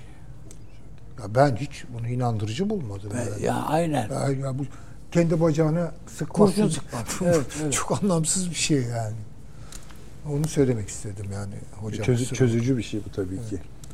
Ve batıdaki etkisini de yani hakikaten sizin dediğiniz kadar oldu. Olmaz Adamlar uzaylı sesi e, duymuşlar mı gibi ilk defa sanki Evet. Putin'i ilk defa duyuyorlarmış gibi dinlediler yani. Uzun bir metinde milyonlarca izlendi. 10 milyonlarca izlendi. Tabii Ve bunu durduracak hiçbir güçleri yoktu. yoktu. Birden Sonra- böyle bir adam öldü ve Putin suçlanmaya başladı. Sizin çözümlemeniz de gayet kuvvetli. Avni Bey'in ikazını da dikkate almak lazım. Ee, fakat en çok tabii Çağrı Hocam reklamları dikkate almak lazım izin verirseniz. Buyurun. Kısa 6 dakika efendim. Yaklaşık 6 dakika hemen geliyoruz. Döndük efendim. Akıl Odası devam ediyor. Çağrı Hocam buyurunuz. Bunu da kısa geçelim de hemen Ukrayna'ya Hızlı bir bağlayalım. şekilde geçelim. Bu Ama Avrupa- şey ilginç bir konu. Avrupa gökyüzü kalkanı zaten Ukrayna meselesiyle doğrudan bağlantılı Tabii. bir konu. Aynen öyle. Bunu 2022'de ortaya atan kişi Olaf Scholz. Olaf Scholz'un bunu yani Almanya şansölyesi e, icat etmesinin sebebi de Kaliningrad'da Rusya'nın İskender füzesi hadisesi Evet, oluyor. Ya diyor bu birdenbire yarın öbür gün Avrupa'ya da böyle bir saldırı olursa biz kendimizi koruyamayabiliriz. Tamam NATO'ya entegre bir sistem olsun ama aynı zamanda Avrupa'nın da kendine ait bir hava kalkanı olsun. Şimdi Trump dönemini Aynı dönemde İsrail'in de bu demir kubbe olmuştu. Ya ondan da etkilenmiş olabilir. yani hava savunma sistemi kendine ait olsun arzu ediyor. Bunu yapmasının en önemli tetikleyicisi evet Ukrayna Savaşı ama aslında Trump'ın 4 yıllık başkanlık döneminin etkileri ve muhtemel tekrar başkanlık döneminden duyulan endişe. Çünkü Trump'ın ulusal güvenlik danışmanı daha sonra da kendisine biliyorsunuz muhalif oldu, kitap yazdı filan. Dün bir beyanat verdi. Dedi ki Trump NATO'dan çıkacaktı, zor engelledik. Evet, Az evet. kaldı çıkıyordu dedi yani. Ben yeter kardeşim demiş yani sadece para verip vermeme meselesi değil. Bana ne ya Avrupa ne hali varsa görsün. Trump demiş ki toplantıda konuşma yapacak. Tarih yazalım mı demiş. Zor kullan. Yani Dışişleri Bakanı ile birlikte neydi o post bıyıklı adam işte değil mi? Evet ulusal güvenlik danışmanı. Buyurunuz. kalkmış. Şimdi bu Amerikalılar giderse ne olacak? Böyle bir endişeleri var. Bu endişeyi 1990'ların başında Avrupa yaşadı. Çünkü duvar yıkılıp da dünyada işte iki kutuplu dünya düzeni artık ortadan kalktı. Çok kutuplu düzene geçilecek ya da tek başına Amerika'nın zaten bir üstünlüğü var. Bizim artık kendi yarı küremize çekilmemiz lazım diyen Amerikalılar vardı. O dönemde Avrupa kendi ordusunu geliştirmek için bir iki adım attı. Evvela İngiltere ile Fransa Saint Malo anlaşması denilen bir anlaşma yaptılar. Bir Avrupa kol ordusu kurmak için çeşitli adımlar attılar. Balkanlarda olup bitenlere dahi müdahale edemediler. Gördüler ki Amerika olmadan bunlar ayakta kalamazlar. Hatırlayın o dönemi. Hepimiz yaşadık. NATO içerisinde bir Avrupa güvenlik ve savunma kimliği geliştirildi. Maastricht Anlaşması ile beraber 93'ten itibaren Avrupa Birliği içinde de bir Avrupa güvenlik ve savunma politikası geliştirildi. Yani bugün ortak dış ve güvenlik politikası dediğimiz politika. Bunun bir yerinde de Avrupa'nın kendine ait yani NATO'ya bağımlı olmayan bir koruma gücü olsun yatıyordu. Hatta yine hatırlayın Nice Anlaşması diye bir şey var. Çünkü Türkiye dedi ki ya ben NATO imkan ve kabiliyetlerini sana tahsis etmem. Ben Avrupa Birliği üyesi değilim. Ben niye kendi imkanlarımı sana tahsis edeyim ki? NATO niye kendi imkanlarını sana tahsis etsin? Çünkü Türkiye onay vermeden ne NATO'nun havalimanını, ne limanını, ne petrol boru hattını hiçbir şekilde kullanamazsın. Bir Nice Anlaşması adıyla bir mutabakat, işte daha sonra Ankara Mutabakatı adıyla 2002 filan yapıldı ve mesela Ege'de diyelim. Biz AB üyesi değiliz. Ama Yunanistan'la bir kapışmaya girdik. Siz düşünebiliyor musunuz? NATO imkanları Avrupa ordusu tarafından, Yunanistan tarafından aleyhimize kullanılıyor. Biz buna imkan veriyoruz. Bunu Türkiye'nin onayına bağlayan kademeli bir sistem üzerine mutabakata varıldı. Zaman içerisinde yavaş yavaş ya bu NATO'dan zaten Amerika Birleşik Devletleri çok istifade ediyor. Ee, Avrupa üzerindeki nüfuzunun en önemli araçlarından biri bu. Avrupa'yı da yanına alarak Rusya'yı çevrelemesinde araçlarından biri bu. Diyenler Amerika'da arttıkça Avrupalılar bu konuya yatırım yapmaktan yavaş yavaş uzaklaştılar. Ama ne zaman ki Trump geldi, tekrar o Merkel döneminde bu konuları gündeme getirdi. Avrupa'nın kendi savunma sanayiyle daha bağımsız hareket etmesiyle ilgili görüşler yükselişe geçti. Ukrayna meselesi de bunu tetikledi. En büyük endişe Trump geri gelirse, ABD buradan çıkarsa Rusya karşısında bizi kim savunacak? Mesela? Çıkar mı çıkmaz mı ayrı ama işte adam diyor çıkacaktı diyor neredeyse diyor. Hala aynı konuşmaları Şimdi yapıyor. biz niye bu işin içerisindeyiz? Hı. Bir, ihtiyacımız var. Bu kadar basit. Hava savunma sistemimiz neye bina edilmiş? Hava kuvvetlerimiz. Onun üzerinden bir hava savunma sistemimiz var. S-400'leri aldık ama işte bir batarya var. O da aktive olmadı daha. Tamam hemen edebiliriz. Ama S-400'ü nereye koyacaksın Türkiye? 800 bin kilometre karelik bir yerden bahsediyoruz. Tehdidin ne zaman, nereden geleceği belli mi? Patriot'umuz var mı? Yok. Geliştirmeye çalıştığımız bir kendi milli hava savunma sistemimiz var. Ama bunun dışında bir şey yok. Bir, ihtiyacımız var. İki, bu sistem ne kullanacak? Arrow, Patriot. Bir de İsraillerin, ha. Almanların e, da var. E biz şimdi Patriot alamıyoruz Amerika'dan. E belki bu vesileyle gelecek işte buraya. Hocam bakın şöyle kurdunuz ama şunu da sorarlar. Yani bakın bu 2022'nin projesi. Yani siz daha biraz daha... Yeni yeni. Ha, tamam. Yani, yani evveliyatı var. Tabii. Şimdi bir sen kendi hava savunma sistemini geliştirmek için bir sürü yeni iş yapıyorsun. Yapıyorsun orta, ama tamam. daha olmadı. Olmadı. Bunun için çok büyük bir siyasi uluslararası risk alıp S-400'leri de getirdin. Bunun doğru, da bedelini ödetiyorlar doğru. vesaire vesaire. E şimdi sen buna niye giriyorsun? Kendin devam etsene yola çıkmış. Ediyorsun ona mani iki, değil ki. İki, e, soru bunlar yani hocam. Yani bizim NATO üyesi olmamız soru. Kaan'ı geliştirmemize Sen buraya giriyorsun. Mi? Sen buraya giriyorsun. Alacağın füzeler de belli. Bu füzeleri sana vermeme sebepleri ne? S-400'ler. Bu S-400'leri de atacaksın. İşte demin konuştu senatörler, menatörler vesaire. Ona bir ama engel yok. Gittik imzayı attık kabul ettiler. Şimdi yani hani buna imza atmış olan Yunanistan'da da S-300'ler var. Ona bakarsanız. Hı hı. İşte S-200 dediğimiz daha eski modelleri pek çok Doğu Avrupa ülkesinde var. Ta Sovyet zamanından kalma. Yani elinde Sovyet ya da Rus yapım hava savunma sistemi olması buna mani değil. O nerede mani bana? Katsa'da. Avrupa Birliği'nin Katsa gibi bir yasası yok. Yani benim elimde Rus silahı olması bu sistemin içerisinde bulunmama mani değil. Anladım hocam da çok yani bunu getirirler Bir diğeri, söyleyeyim. bir diğeri e, getirsin. Bir diğeri Türkiye Avrupa Birliği'nin ya da Avrupa ülkelerinin diyelim çünkü birlik üyesi olmayan İngiltere de işin içerisinde. Tabii tabii. Avrupa'nın savunması için vazgeçilmez olduğunu her zaman hissettirmiştir. Ya bugün gerçekten de ve bunu savunmanın bir parçası olayım. Hadi bakalım alevere, dalevere, Mehmetçik nöbeti olsun diye değil yani. Ben hazır kuvvetim diye değil. Siyasi olarak Avrupa Birliği'nin bir parçası olmak için hep kullanmıştır. Ya dönüp bakın 2004 Avrupa Birliği tarihinde ilk defa Türkiye'ye ilişkin bir stratejik değerlendirme raporu yayınladı 2004'te. Biz müzakerelere başlarken. Dedi ki Türkiye Avrupa'nın savunması için vazgeçilmez bir ülkedir. Ondan sonraki yıllarda da yani Türkiye'de Avrupa Birliği sürecinin çok böyle hızlı devam ettiği yıllarda da Türkiye hep onun altını çizdi.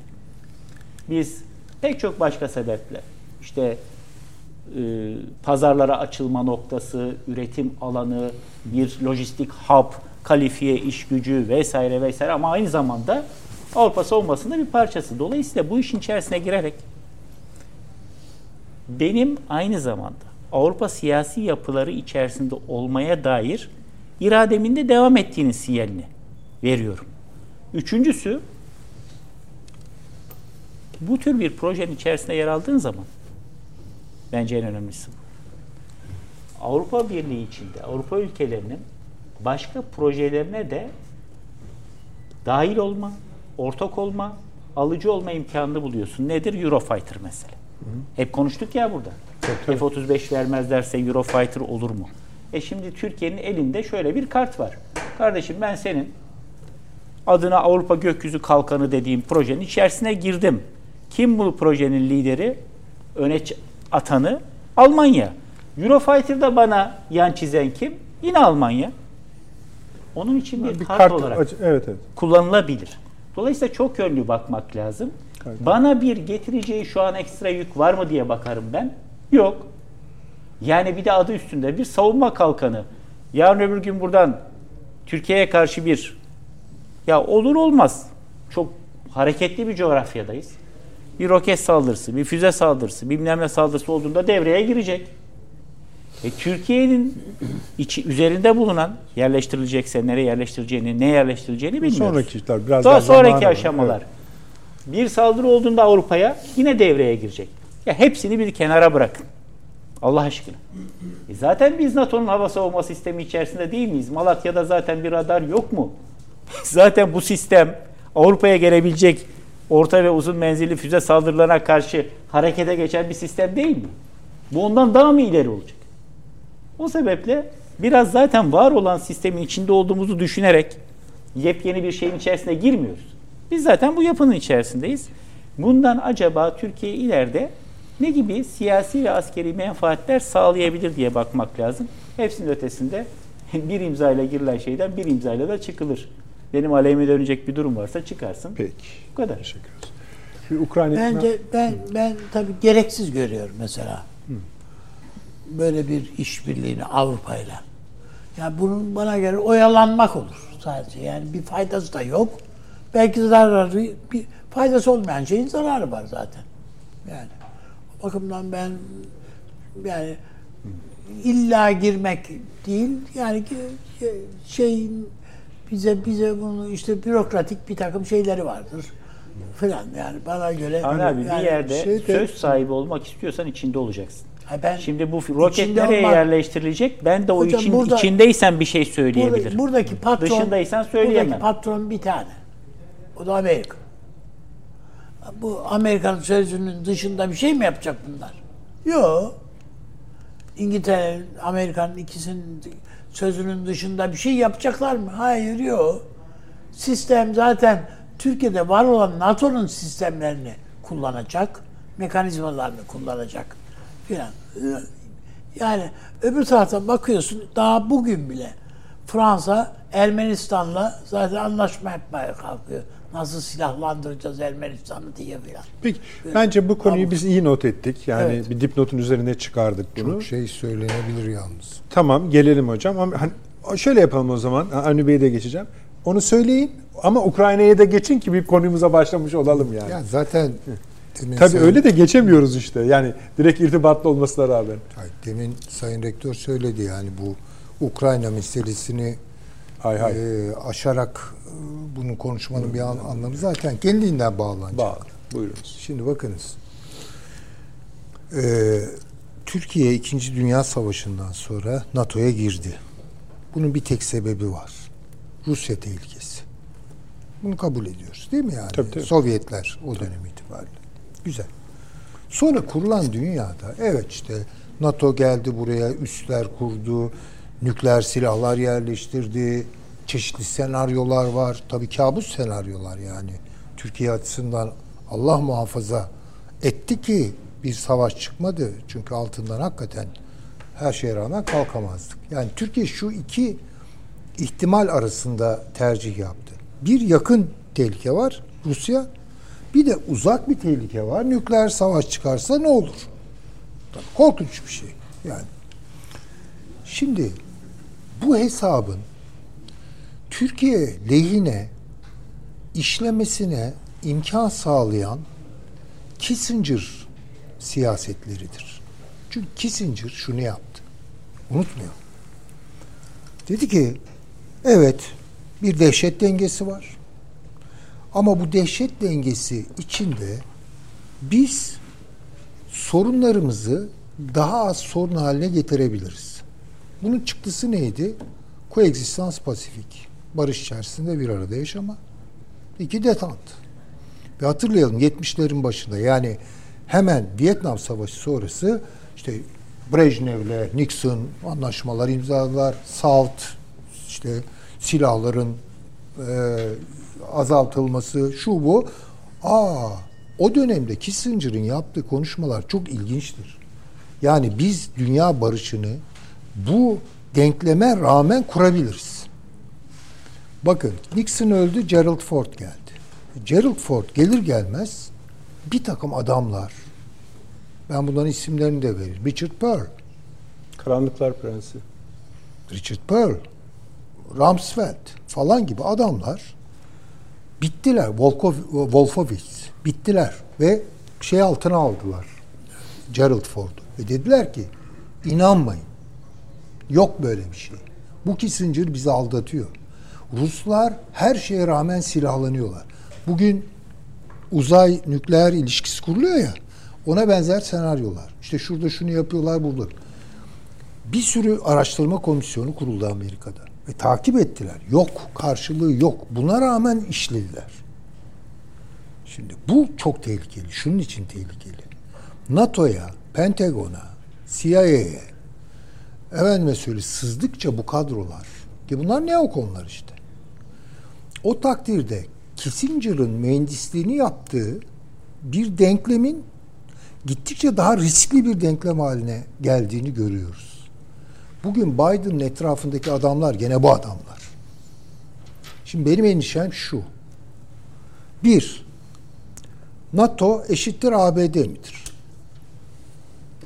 Bana kalırsa yüzde yüz buna evet diyemem ben. Yani NATO'nun da sonuçta Avrupa ile on yıllara sari hemhal oluşundan doğduğu, e, oluşan bir kendine göre bir aklı var. Şimdi bu akıl Biden gibi adamlar iş başında olursa yani Atlantik'i birleştiren iki tarafını yürür. Trump gibi bir adam gelirse sakata bağlar. Trump'ın son konuşmalarını hatırlayalım. Trump dedi ki ben dedi neler söyledi değil mi yani? Evet. Rusya'nın önüne atarım dedi ya falan deyince müthiş bir panikleme. Müthiş bir panikleme. NATO yani NATO NATO bir tarafıyla Amerika ama bir tarafıyla da Avrupa. Şimdi dolayısıyla şu soruları sormak lazım. NATO-ABD ilişkileri nedir? İki, Biden'lı ve Trump'lı olarak denklemler nasıl işler? Şimdi ben buna bir şey daha soruyorum. Bir şey daha ilave ediyorum. İngiltere bu işin neresinde? Şimdi İngilizler düşünmüyorlar mı? Ya Biden'la güzel yol aldılar. Trump geliyor. Ne yapacak İngiltere? Ya İngiltere'de vaz mı geçecek? Trump'ın dümen suyunda mı? Hayır. İngiltere de şunun hesabını yapıyor. Mümkün mertebe NATO'yu bunu belki biraz ağır bir tonlamayla söyleyeceğim ama e, iddialı bir şey haline gelebilir bu. NATO'yu mümkün olduğu kadar ada NATO'su yapmak. Ne yapmak? Ada NATO'su. Ada- Biz yöneteceğiz yani. Ve devam edeceğiz. Şimdi Trump istediği kadar oradan bağırsın etsin. Hocam İsterse NATO'dan. şunu anlayabiliriz mi? İlk geldiğinde Trump ondan önce neler dediydi NATO ile ilgili. Sonra NATO Genel Merkezi'ne ziyaret etti. Gitti. E, eder, Bu yani. binalarda ne güzelmiş de yok bilmem neymiş de Hayır bilmem. isterse de çıksın. NATO bitecek mi? İngiltere bence bunun hesaplarını yapıyor. Ve bunlar ısrarlı. Şimdi elimizde yaralı bir Rusya var. Ya şimdi Rusya tamam eyvallah ama yaraladılar. Rusya'nın sembolü biliyorsunuz ayı. Ayı yaralanınca e, ne yapacağı belli olmaz. Dolayısıyla kendi büyüttükleri bir tehlikenin yarın hocanın dediği gibi Kaliningrad meselesi üzerinden işte Baltık, Estonya bilmem ne. Çünkü aynı senaryolar orada da geçiyor. Orada da Ruslar yaşıyor. Bir miktar Rus nüfus var. Litvanya'da da var, Letonya'da, Estonya'da falan. Yarın orada bir karışıklık olup aynı şeyi söyler mi? Şimdi o kadar ilginç bir şey söylediniz ki ortada karışıklık. Orada da koridor var hocam zaten. Transdinyester'i karıştırıyorlar. İşte bakın. Şu anda Transdinyester'i Yani karıştırıyorlar. Moldova ile Ukrayna arasında. Yani yarın Moldova'ya saldırır mı Aynen Rusya? öyle. Onun şeyi hazırlanıyor Şimdi bakın yani. bunlar hatta Almanya'ya bile diyorlar hocam. istediği kadar Rusya yok vallahi gözüm yok desin. Artık planlar bu varsayım üzerine kurulacak. Yani bakın gittikçe daha fazla ister Trump ne yaparsa yapsın. Ama İngiltere bu işi bir Avrupa-Rusya hesaplaşmasına NATO'lu veya NATO'ya müzahir ve e, iltisaklı böyle havuma, hava savunma sistemleriyle falan kendi yönetmek istiyor. Hocam Ve kendi Türkiye'yi de buraya istiyor sokma- ha. ama yani NATO'yu kendisi yönetmek istiyor Kim İngiltere. İng- Bravo. İngiltere. İşte ben Tabii NATO'yu kendisi Yani yönetmek istiyor. Çünkü e, Trump yani yoksa bir Avrupa gücü olalım yanımıza da e, Fransa'yı alalım Tabii, Macron tabii. da gelsin bana Tabii, fikir. tabii. Hayır hiç öyle bir şey yok. Öyle bir şey yok. Yani dolayısıyla bu senaryoları işletecekler. Trump'a rağmen gerekirse işletecekler. İşte Türkiye böyle bir avantürist, maceracı kafanın nereye gideceği işlerin belli değil. Güdümünde bir şeylere sürüklenecek mi, sürüklenmeyecek mi? Ben bunu şöyle söyledim, çok uzatmayayım. Türkiye böyle bir badireden tıpkı İkinci Dünya Savaşı'nda olduğu gibi kendini sıyırtabilecek mi, sıyırtamayacak mı? Bence problem bu. Hariciyenin de bence esas meselesinin bu olduğunu e, tahmin etmek istiyorum. Niye fırsatlar da yaratabilir birçok? Vallahi nasıl bir fırsat yaratır onu Mesela- bilmiyorum. Savaşın gündeme geldiği bir yerde ne fırsatından Ya bahsediyoruz? Birçok ya? kişi şunu söyleyebilir Süleyman Hocam. Mesela Amerika ile ilişkinizi pırıl pırıl yapabilir bu. Çünkü burada sizin bahsettiğiniz esasında bir görev dağılımı gibi gözüküyor. Yani ABD sanki Avrupa'dan aman ne halt ederseniz edin diye çöpe atmıyor da o görevi İngiltere üstleniyor. NATO Amerika- dedim, Amerika demedim. Dikkat edin. Ya bu NATO projesidir dedim. Tamam da- Almanya projesi Evet, evet. veya tamamen işte Avrupa'yı merkeze koyan hayır hayır. Bu NATO. Çünkü NATO'nun NATO'nun ne düşündüğünü ben kimden öğreneceğim? Stoltenberg'den öğreneceğim. Ve Trump geliyor.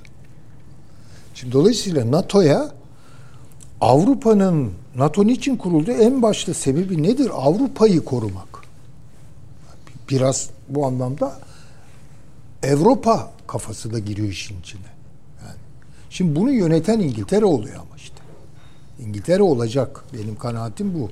Ve İngiltere başından beri Türkiye'ye bu kadar şirinlik yapmasının sebebi buraya Peki bu nasıl... bağlamda şimdi Ukrayna'nın durumu ne? Ha, Ukrayna'nın durumu şu. Ya bir Hemen kere seçimlere kadar bence Rusya zaten önemli ilerlemeler e, çıkıyor ortaya. İşte Avdiivka'yı düşürdüler ki çok önemli. Yani bu biraz katlanarak da gelebilir. Yani o kasaba çok stratejik ya da o şehir çok stratejik. Ya hocam işte bir- Yani bir- parça daha koparır, bir parça daha koparır ve yani bir yerde duracaktır bu. Yani Ukrayna'nın yani eğer şunu artık düşünmüyorsa Rus genel kurmayı yani artık iyice bunlar e, eksildiler, azaldılar, güçlerini kaybettiler. Yeniden hedefimi tazeliyorum. Kiev demiyorsa. Demiyor ama birçok uzman da şeyi merak ediyor. Mesela e, o haritayı verin bir arkadaşlar. Şimdi mesela yeni laf şuydu. Ee, neydi ismi ben de bakayım. Avdivka. Değil mi? Avdiivka, evet. Evet. Şimdi mesela orada Dinyeper'e daha da yapışmış oluyor. Yaklaşmış Tamam, oluyor. Bir İşte köy var diyorum. aralarında. Ya o nehirle e, sabitlenen sınıra gelip dayanıp duracak mı bilmiyorum. Ama hatırlayın bak mesela geçen sefer Avni Bey'le siz ikiniz birlikte söylemiştiniz. Bunlar niye duruyorlar ya hani her şey lehlerine gibi tek başınıza İşte bak- değilsiniz. Yani mesela neredeyse Avrupa bürokrasisini Odessa'yı bile söylüyorlar. Neden almıyor Odessa'yı filan? alır isterse. Bakın ben bunu söylüyorum. Ya Rusya'nın bu, bu, bu yani Rusya bir savaş makinesi. Hele şu an ekonomisi hakkında ben bir yazıya baktım. İyice askerileşmiş vaziyette ve tam kapasite çalışıyor. Ve Rusya gücünü ortaya koymuyor orada. Bakın eski tanklar kullanıyor. Evet. Sınırlı bir teknolojiyi kullanıyor. Arada bir bir iki bir şey atıyorsa atıyor. Çünkü bir kere karşı tarafın silah gücünü bilmesini istemiyor yani. Sakladığı silahlar var. Yani çok e, kuvvetli silahlar var. Şimdi Rusya'nın e, amacı nedir? Putin bir yerde durmak istiyor mu istemiyor mu sorusuna biraz buradan bazı karinelerle bir şey yakalamaya çalışıyorum. Yani anlayabildiğim kadarıyla Putin şunu görüyor. Eğer birden girse yani acımasız bir şekilde saldırsa e, ne olacak ya? Yani yapar bunu. O kadarını da yap becerir herhalde. Fakat biliyor ki bu NATO'da pişirilen neokon kafanın pişirdiği senaryoları e, realize ettiği anlamına gelecek. Yani burada durmayacak bu adam, daha da gidecek yani filan. Onun için mümkün mertebe işte o Carlston e, röportajında filan da yani böyle bir niyeti Hocam, olmadığını. Ukrayna'daki e, nükleer santralın bile son çekirdeği bile bitmiş. Evet işte onu diyorum. Yani, Yani, şöyle e, bir şey var. Rusya hani bunun sorumlusu bile benim sorumlusu olarak bile benim üstüme yıkılacaklar diye Yani bakıyor bakınız adam. senaryo yönetiyor bunları. Hatırlayalım Saddam'ı nasıl devirdiler? İşte nükleer silahı var, yok bilmem kimyasal silahı var. Canım. Hiçbiri çıkmadı Hikaye. Ama önemli olan o senaryoydu. gerçekleşti. Evet. Bir de şey de söyleyeyim Avni abi size geçmeden. Şimdi bu bir top mermisi lafı dolaşıyor ya. Evet. Top mermisi gidiyor, top mermisi. Top mermisi, top. Herkesin kavgası bu. Sonunda hani haklarını vereyim. Şeyin Newsweek'te bir upuzun makale çıktı. Nedir bu top mermisi? Bu kadar hayati bir şey olamazmış. Okuyunca upuzun bir yazı Evet. bu. Bu kadar hayati bir şey olamaz. Fakat yetiştiremiyorlar. Kimse de yok. Yani Kimse. üretiyorlar ama Bir tek adamın Ankara'nın ürettikleri işte ya bizim fırtına Biz- biz de- obüsleri yani. Evet evet. Hani Yani e, 50 kilometreyi de hedef vuruyor. Ve bunu Yani yaparken de şöyle yapıyorlar. Diyorlar ki bu o kadar kritik bir şey ki Genelkurmay Başkanı'nın değişmesi kadar Ukrayna'da hani bize mesaj veren bir durum. Bunu üretmek bir şey, bunun parası bir şey tamam ama bir de bunun doğru yerde kullanılması bilmem ne. Sonunda adam geldi ben buradan çekiliyorum dedi ve çekildi. E, yeni gelen Genelkurmay Başkanı, eski Kara Kuvvetleri Komutanı Zaten biliyorsun. direnmeleri büyük hataydı. Yani. Bir de kongre devam ediyor herhalde tutmaya. Bir de izinde şeyle tatildeler herhalde hocam. Bir kısmı onayladı bu yardımı. Evet. Ukrayna'yı. Peki siz ne düşünüyorsunuz Avni Bey şey konusunda? Ben e, Ukrayna. ha. ya Ukrayna yazık yani kaybetti yani bir devlet Üçüncü yani, yılı yazık. yani oraya giriyor İnsan, diye. Hani üstüne bir mezar taşı konması eksik bir tek Ukrayna'nın. Bir devlet böyle yok edilebilir ancak. Yani hele devlet başkanının eliyle hem de yapılıyor bunlar. Yani üzülesi bir durum. Allah'tan Türkiye işte orada şimdi bu Baykar falan yatırım yatırım yapmaya başlıyor Ukrayna'da. Belli yani Rusya nihayetinde Rusya ile bir e, ortak bir o- o çizgiye tamam, gelecek. bir de şimdi Hatta söylem- masaya oturun diyorlar. Şimdi söylenmeye başladı Fransızlar falan o fabrika için biliyorsunuz. Evet. Şimdi masaya oturun diyorlar. Bu Zelenski parayı alamazsa ki alamayacak.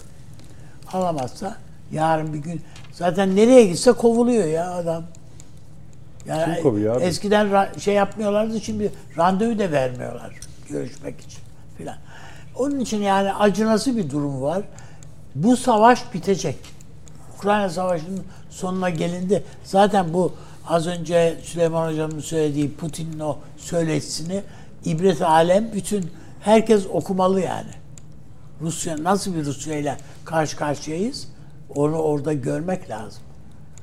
Yani yoksa Biden'ın falan öyle küfürlü müfürlü konuşmalarıyla Evet. yarının Yani siyaseti- aslında o örneği çok vermek isterdim. Nasıl bu üst yani dünya siyasetindeki kalite düşüşünü fakat zikredemeyeceğimiz için o karşılıklı konuşmayı çünkü Kremlin de aynı şekilde karşılık verdi.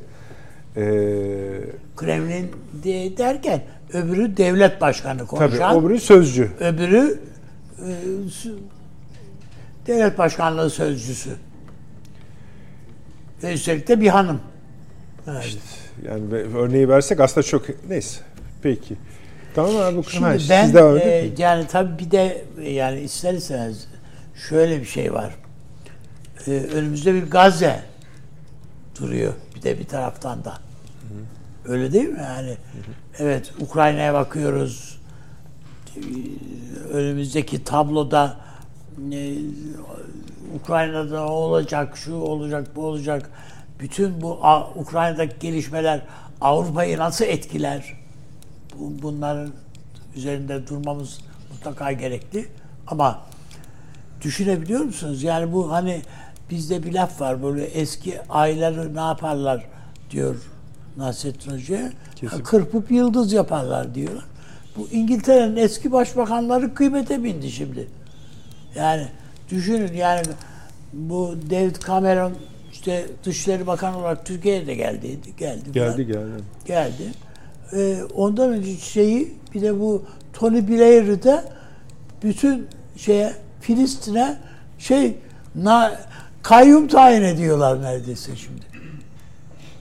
Bütün Filistin'in işte savaş anlaş barış anlaşması yapıldıktan sonra bütün imarını, her bir şeyini koordine etmek için Katar, Matar, zaten adam Katar'da, şurada, burada hep şirketler kurmuş kendisi. Danışmanlık şirketleri. Bambi, Bambi Ba- Face. Öyle mi? Ha, daha işte düşün diyor hocam. Yani demek ki çok değerli bir insan. Yani kıymetini bir türlü bilemediydik. Ama Blair başbakanlıktan ayrıldıktan sonra kuartetin yani Orta Doğu kuartetinin Avrupa Birliği baş temsilcisiydi. Yani evvelce Hmm. Arafat döneminde de daha sonra Mahmut Abbas döneminde de bunlarla çok ilişkisi oldu. Gitti geldi Evet, Hamas'la öyle. falan filan da. Yani bir tecrübeye binaen. Çünkü başka koyacakları adam yok. Kimi koysunlar. Hiç İşte olmazsa neyse, onları yani- tanıyan Filistinleri muhatap alan iki devletli çözüme inandığını lafzen Önemli. ifade eden biri yani. Bu kiralık devlet adamı. Herkese danışmanlık yapıyor değil mi? Yani ben baktım acaba nerelere danışma şey olmuş falan diye. Yani bir yığın yerde danışmanlık yapmışlar birçok devlete. Bunların içerisinde yani Güney Asya, Güneydoğu Asya ülkeleri bile var yani. İnşallah faydası olur. Ne diyelim yani bunu. Ha nihayetinde bir İngiliz. Tabii. Ee, bazılarına göre şey çok daha avantajlıdır herhalde diye bakıyorum yani ben. Ee, şimdi tabii David Cameron dediğimizde de e, o da şeye diyor ki e, bu Zelenski'ye Sayın Başkan diyor. Say, işte baş, Sayın Başbakan manen e, ve moral olarak psikolojik olarak bütün gücümüzle arkanızdayız. Bu savaş devam ettiği sürece diplomatik olarak da tüm desteğimiz yanınızdadır.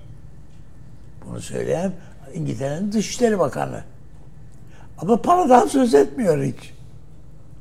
Silahtan da söz etmiyor. Diyor ki askeri olarak da bütün e, stratejik e, şey istihbarat desteğimiz falan hepsi yanınızda diyor.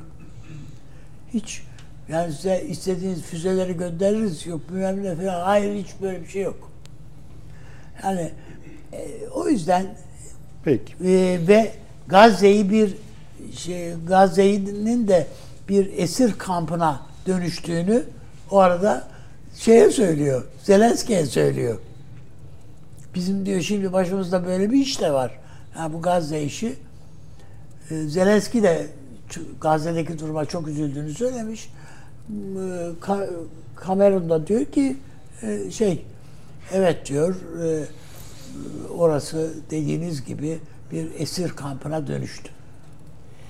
Şimdi ben e, şöyle söyleyeyim size. Bu e, önümüzdeki dönem Gazze işi çok daha kritik bir noktaya gidecek. Belli. Ha bu bir süre daha devam edecek çünkü Amerika veto etti. Ben barış şahsı orada şu an Beşinci kez artık. Kısa- Evet. Üç- Güvenlik Konseyi'nde üçüncü kez. Evet. Evet.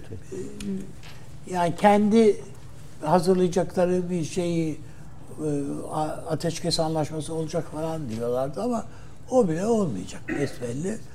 Öyle bir ba- barış anlaşmasına ikna edememişler şey Netanyahu'yu. O bakımdan e, bu olmayacak.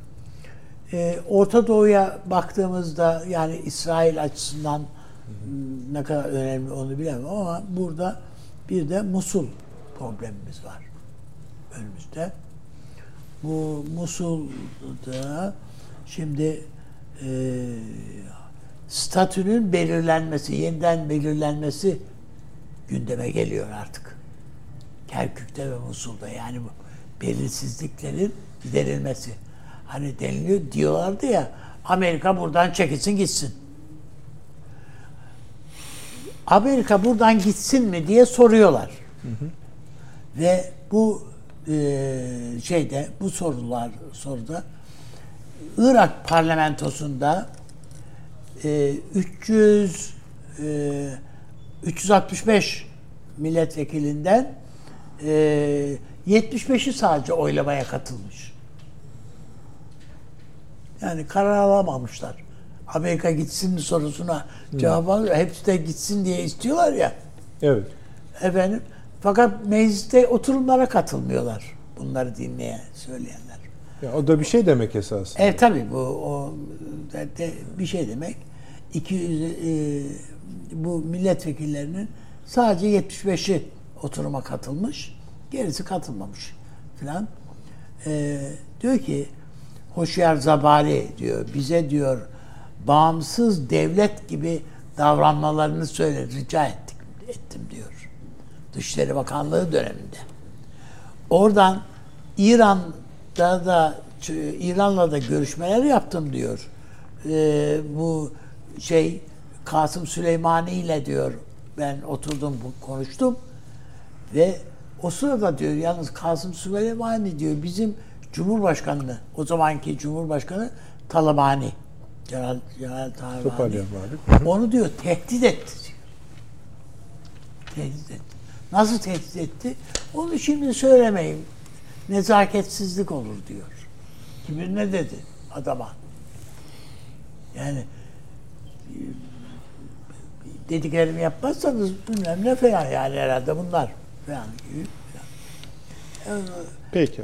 Ve İran'la ilgili bir tespiti var bu Hoşer Zabari'nin. Diyor ki İran'ın nüfusu genişledikçe genişledi Irak'la. Maliye, mali, ekonomik, güvenlik, hükümet, parlamento ve e, yargı düzeyine ulaştı. Düşünün Irak'la ilgili hakimiyet bu. Maliyesi, şusu busu, her şey.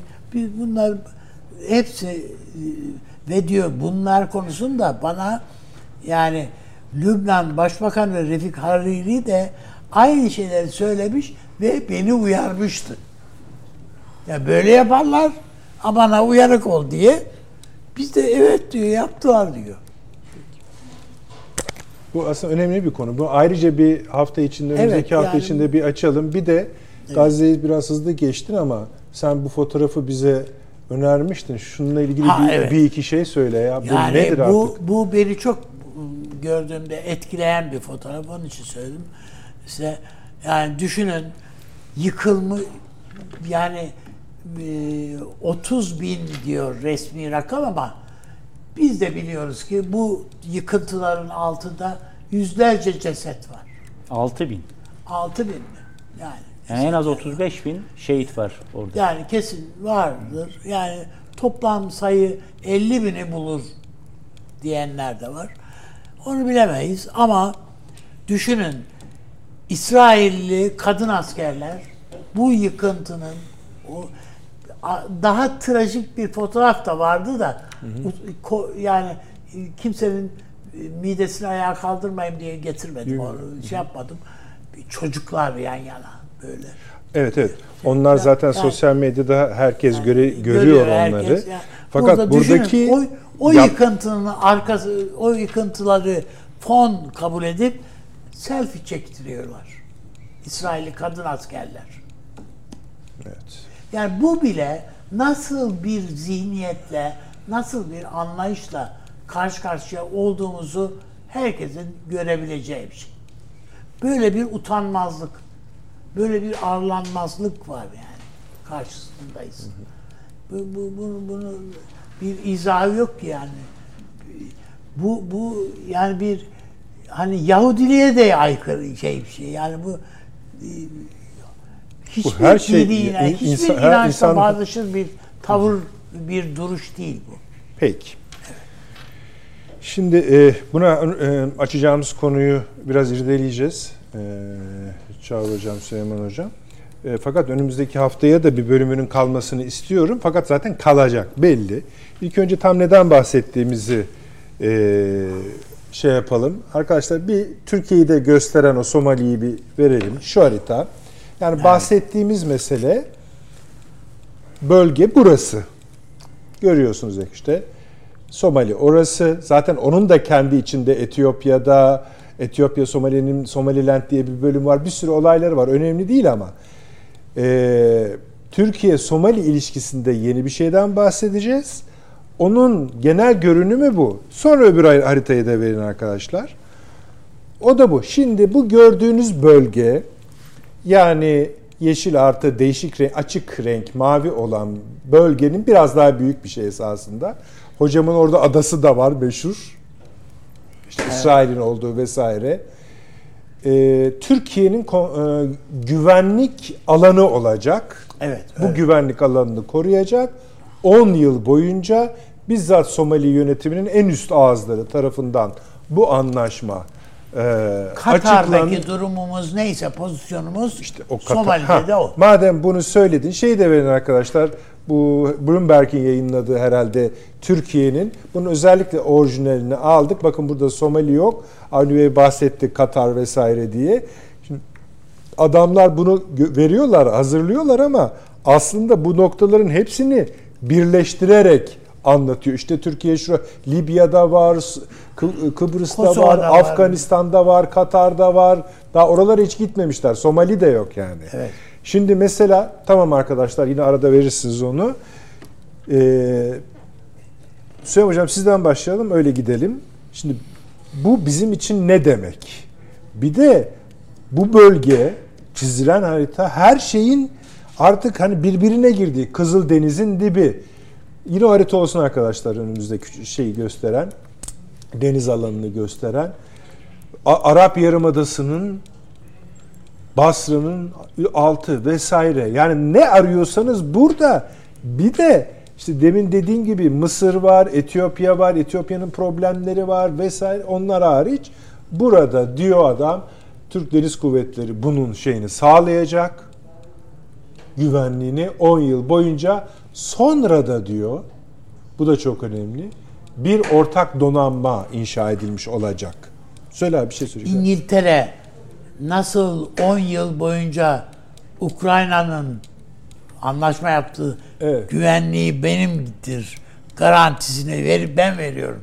Garantörü benim anlaşmasını imzaladıysa Türkiye'de bu anlaşmayı imzaladı. Peki. Ve son bir cümlem tabii, hocamdan tabii, tabii, şey tabii, yapayım. söyleyin. Yani Var, siz dediniz ya bu ne demek diye. Kaan ne demekse Bu da bunun Bu da haritadaki gölgesi. evet bu da o demek. Tamam. Yani Güzel. Afrika kıtasına yayı şey olmuş, şemsiye olmuş o demek. İşte gölgesi oraya vuruyor demek. Bunu Süleyman Hocam. Şimdi tabii yorgun kıtalar var. Avrupa gibi, Amerika gibi.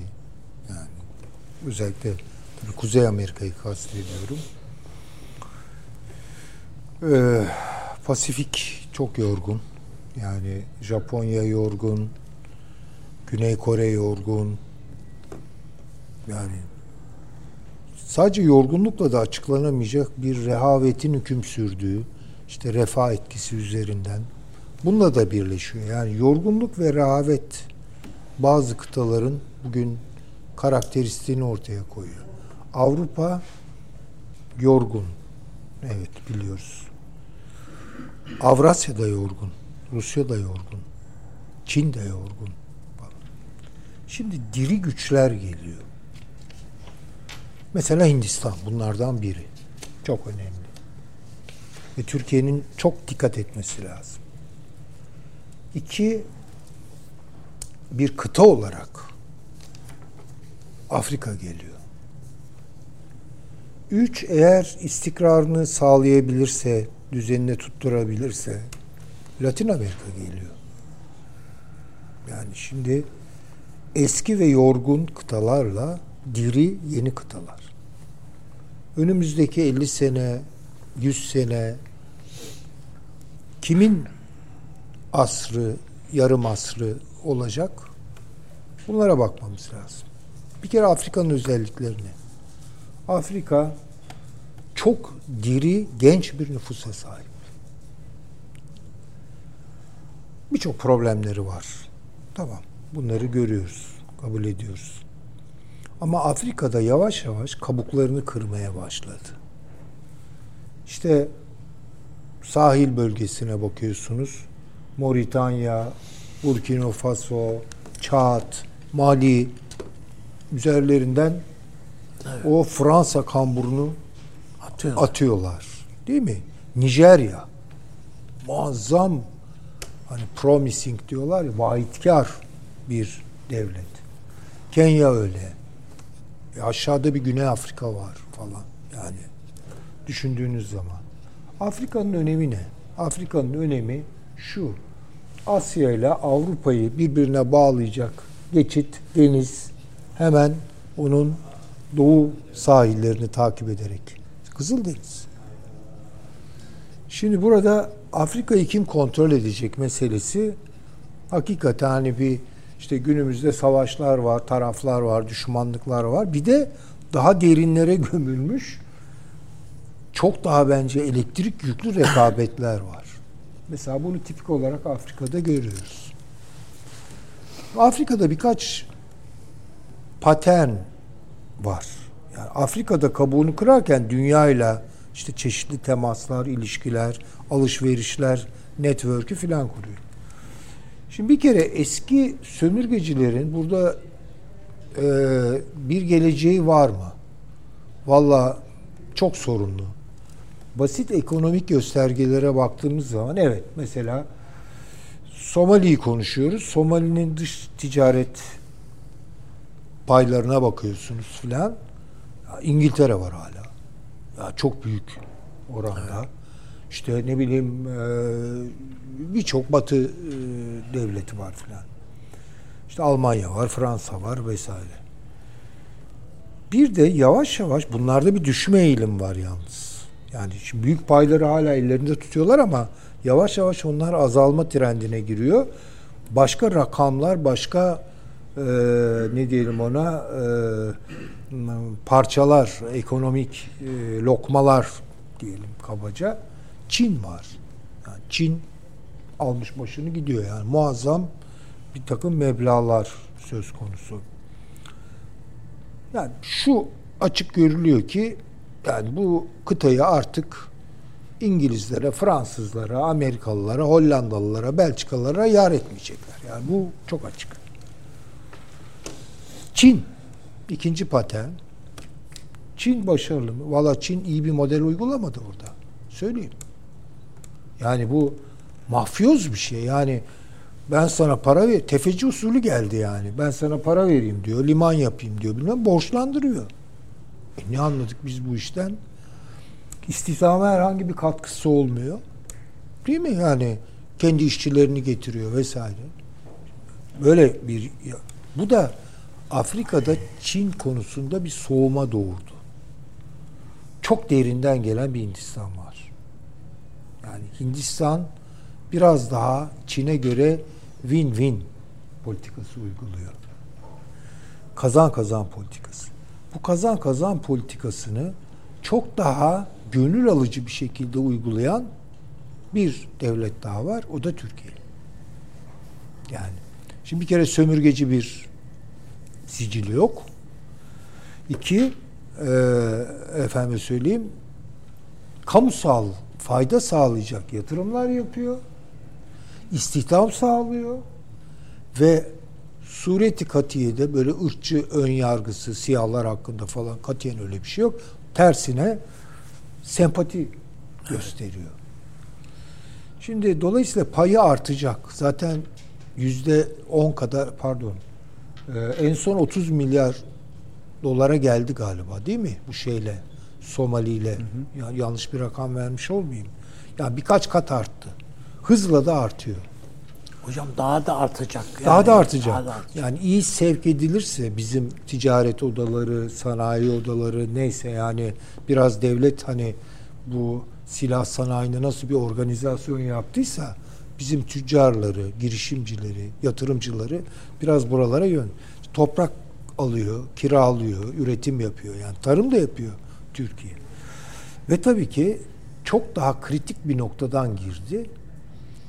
Güvenlik çok temel şu an Afrika'da. Güvenlik sağlayan bir devlet. Bakın bu çok önemli. Ya bu hakikaten ben böyle şaşırıyorum Türkiye'ye. Şöyle şaşırıyorum. Karadeniz'de Türkiye fevkalade akılcı bir politika izliyor. Ukrayna'yı kaybetmek istemiyor çünkü tarihsel tecrübesi var.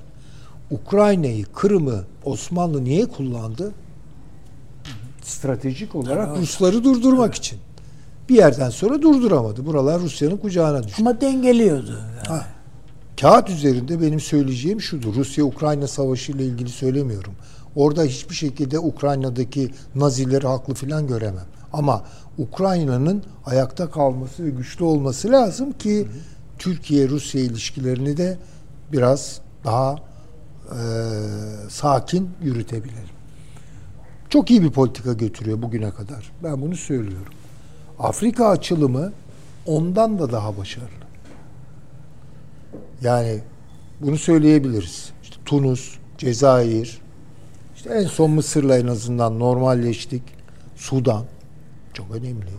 Somali çok önemli. Türkiye'de çok sayıda Afrikalı öğrenci okuyor. Ve bugün Somali'de bakan olan adam Türkiye'de okumuş. Ne kadar önemli bir şey.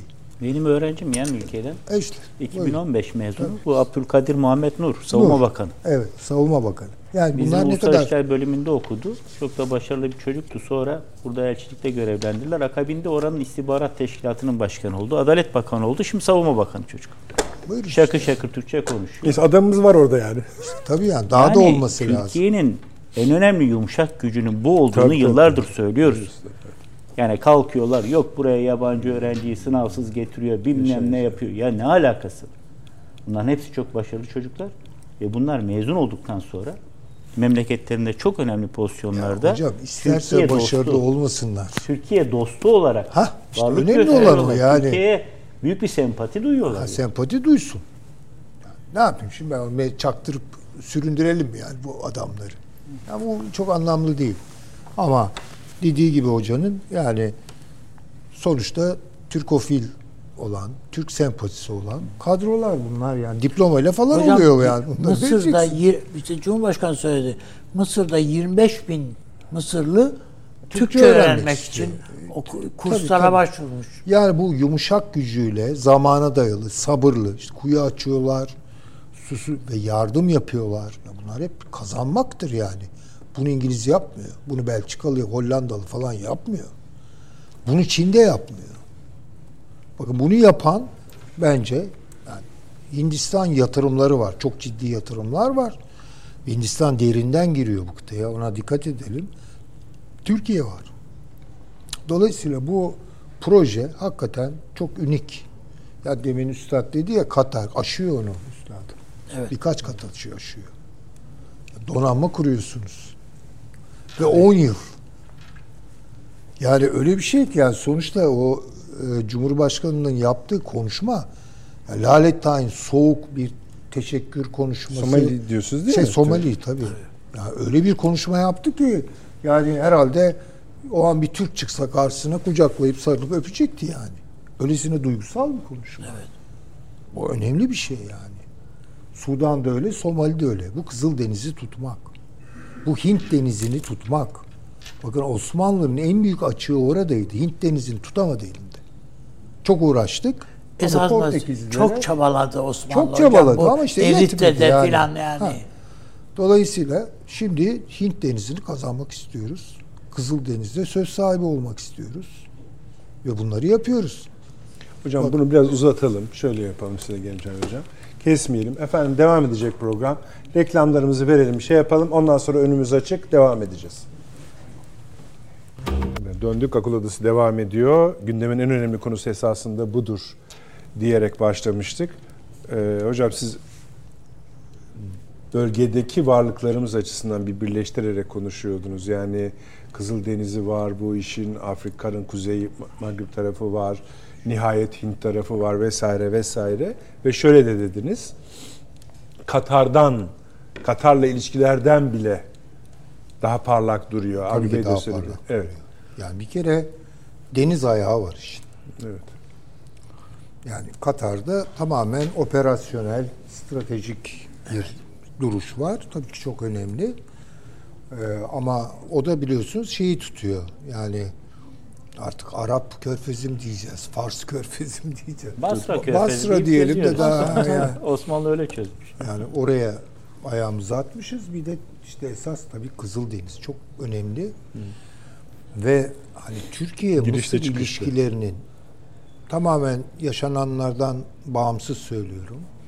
Düzelmesi ve Türkiye Mısır işbirliğinin başlaması ne demek biliyor musunuz? İşin içine Sudan da girecek, Somali de girecek. Kızıldeniz'i tutmuşuz demektir yani. Bu muazzam bir kazanç. İnşallah hocam, Tabii, tabii. inşallah öyle olur. Tabii Kuzey Afrika zaten bizim eski bağlantılarımızın olduğu Cezayir, Tunus, Fas biraz şu ara farklı. Ama aşağı doğru da yani Mali, şey Mali, sahil Çad, tarafı. ha, sahil tarafı. Buralarda da Türkiye gayet iyi. Bir de şöyle bir şey yapıyor Türkiye. Bence çok şey. İş başındaki hükümetlerin e, yıpranmaması için. Ya çünkü birini muhatap alacaksınız. İdeolojik sebeplerle değil. Tamamen istikrar temelinde destek oluyor. Bakın Etiyopya'ya da oldu.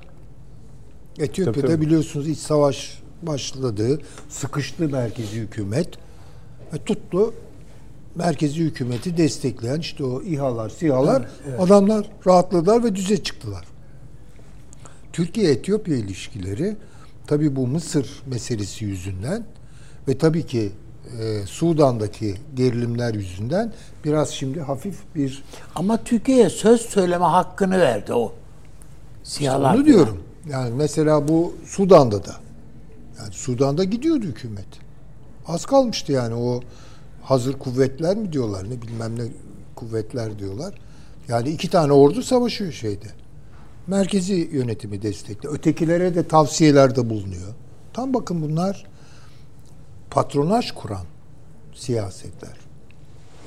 Tabii bu Somali için geçerli değil. Çünkü Somali'nin karşısında şey var. Ee, Şebap örgütü var yani. Onlar laftan anlayacak adamlar değil. Yani dolayısıyla mümkün olduğu kadar statükoya oynayarak. İşte ah keşke bu Suriye içinde olsaydı. Değil mi? Yani veya Mısır içinde e, belli açılardan. Neyse. Yani sonuçta e, ben bunları çok vahiyar görüyorum. çok önemli görüyorum. Ve şey de kotarıldı dikkat ederseniz. Sessizce. E zaten tantanalı siyasetler böyle biraz saman alevi gibi şeylerdir. Yani böyle tantanalı... süreç de sızmadı anlamında. E, Hatta haberi duyulduktan sonra bile bugün açın bakın gazetelere yani nerede ne var. Halbuki ne kadar kıymetli bir şey değil mi? Hocam bizim gazeteler zaten şeyde yaşıyor. Başka bir o, e, Disneyland'de falan yaşıyorlar. La La Land'de. Dünya evet La La Land'de falan yaşıyorlar. Dolayısıyla böyle şeylerle ilgilenmiyor birçoğu. Ama dediğim gibi bu çok önemli ve Türkiye'nin hakikaten elini güçlendirecek olan bir şey zamana dayalı olarak inşallah haler gelmeden devam et. Tabii tabii salı günü de biraz konuşuruz. Hasan Hoca bakalım ne diyor bu işlere onu da merak ediyoruz. Çağrı Hocam buyurunuz. Madem e, Somali'de ba- bağlantılarınız var. Şimdi evvela böyle bir önemli anlaşmanın eş zamanlı senkronize Ankara ve Mogadishu'da beraberce açıklanması daha doğru olurdu. Somali Cumhurbaşkanı'nın bunu böyle bir basın toplantısında açıklamasının bir takım iç sebepleri olduğunu düşünüyorum ben. Yani bu tabii ki bu tür anlaşmaların ön hazırlıkları, diplomatik görüşmeleri filan uzun bir vakte sari yapılır. İlla Somali'de, Ankara'da yapılması da gerekmez. Ama son dönemde çok giden gelen oldu karşılıklı. İşte Körfez'de bir yerlerde falan da yapılmış olabilir ön görüşmeleri. Ama benim anladığım kadarıyla bunu tabii yani Somali Cumhurbaşkanı böyle çıkıp açıklaması e, biraz sürpriz oldu herkese. Açıkçası bana da sürpriz oldu. Orada dikkati çeken bir iki husus var ki bunun Somali iç siyasetiyle biraz da uluslararası siyasetle alakalı olduğunu düşünüyorum ben. Yani belki de birileri bunu diyeceklerdi ki biz bunu engellemek için çaba göstereceğiz filan. Bu ön alıp açıklamak durumunda kaldı bunu. Bu olabilir. İkincisi de ne diyor adam? Diyor ki NATO üyesi Türkiye ile diyor. Bak. NATO üyesi Türkiye ile. Açıklaması öyle. Bizim bazı gazeteler o NATO üyesi kısmını atmış. Türkiye ile yaptığımızı. Hayır. Adamın açıklaması Euronews'te de yer alan, Batı basınında da yer alan NATO üyesi Türkiye ile bir anlaşma yaptık diyor. 10 yıl müddetle bizim denizlerimizi Türkiye koruyacak ve bu 10 yıl zarfında bizim de bundan sonra denizlerimizi koruyabilmemiz için bir donanma inşa edeceğiz diyor. Demek ki içi- işin aslında en az 3 veçesi var. Bir, NATO üyesi Türkiye burayı koruyor ise o zaman başka NATO üyesine burada gerek yok kardeşim. Şimdi Amerika orada bir donanma falan kurmaya çalıştı ya. Gerek yok. Zaten NATO üyesi Türkiye bizimle beraber bir anlaşma yaptık. Koruyacak burayı. Burayı karıştıracak öyle Amerika'sı, İngiltere'si bilmem nesi falan benim karasularıma gelmesin. Onlara bir mesaj çok önemli bir şey bu. Ben Türkiye ile beraber korurum. İki, 10 yıl müddetle bir yandan bu koruma faaliyeti icra edilirken bir yandan da ne yapacağız? Donanmamızı geliştireceğiz. Şimdi Türkiye'nin artık sadece kendi donanma kapasitesini geliştirme değil, dost ülkelere de, mesela bizim tersanemizde, Gölcük'te, Pakistan'a biz fırkateyn yapıyoruz. Değil mi? Tabii teslim de ettik. 6 kaç tane Tabii. yapıldı. Daha da yapılacak. Başka ülkelere, Körfez'deki ülkelere satıyoruz da, yapıyoruz da. Şimdi bunları orada yapacağız. Orada inşa edeceğiz. Bu da çok önemli.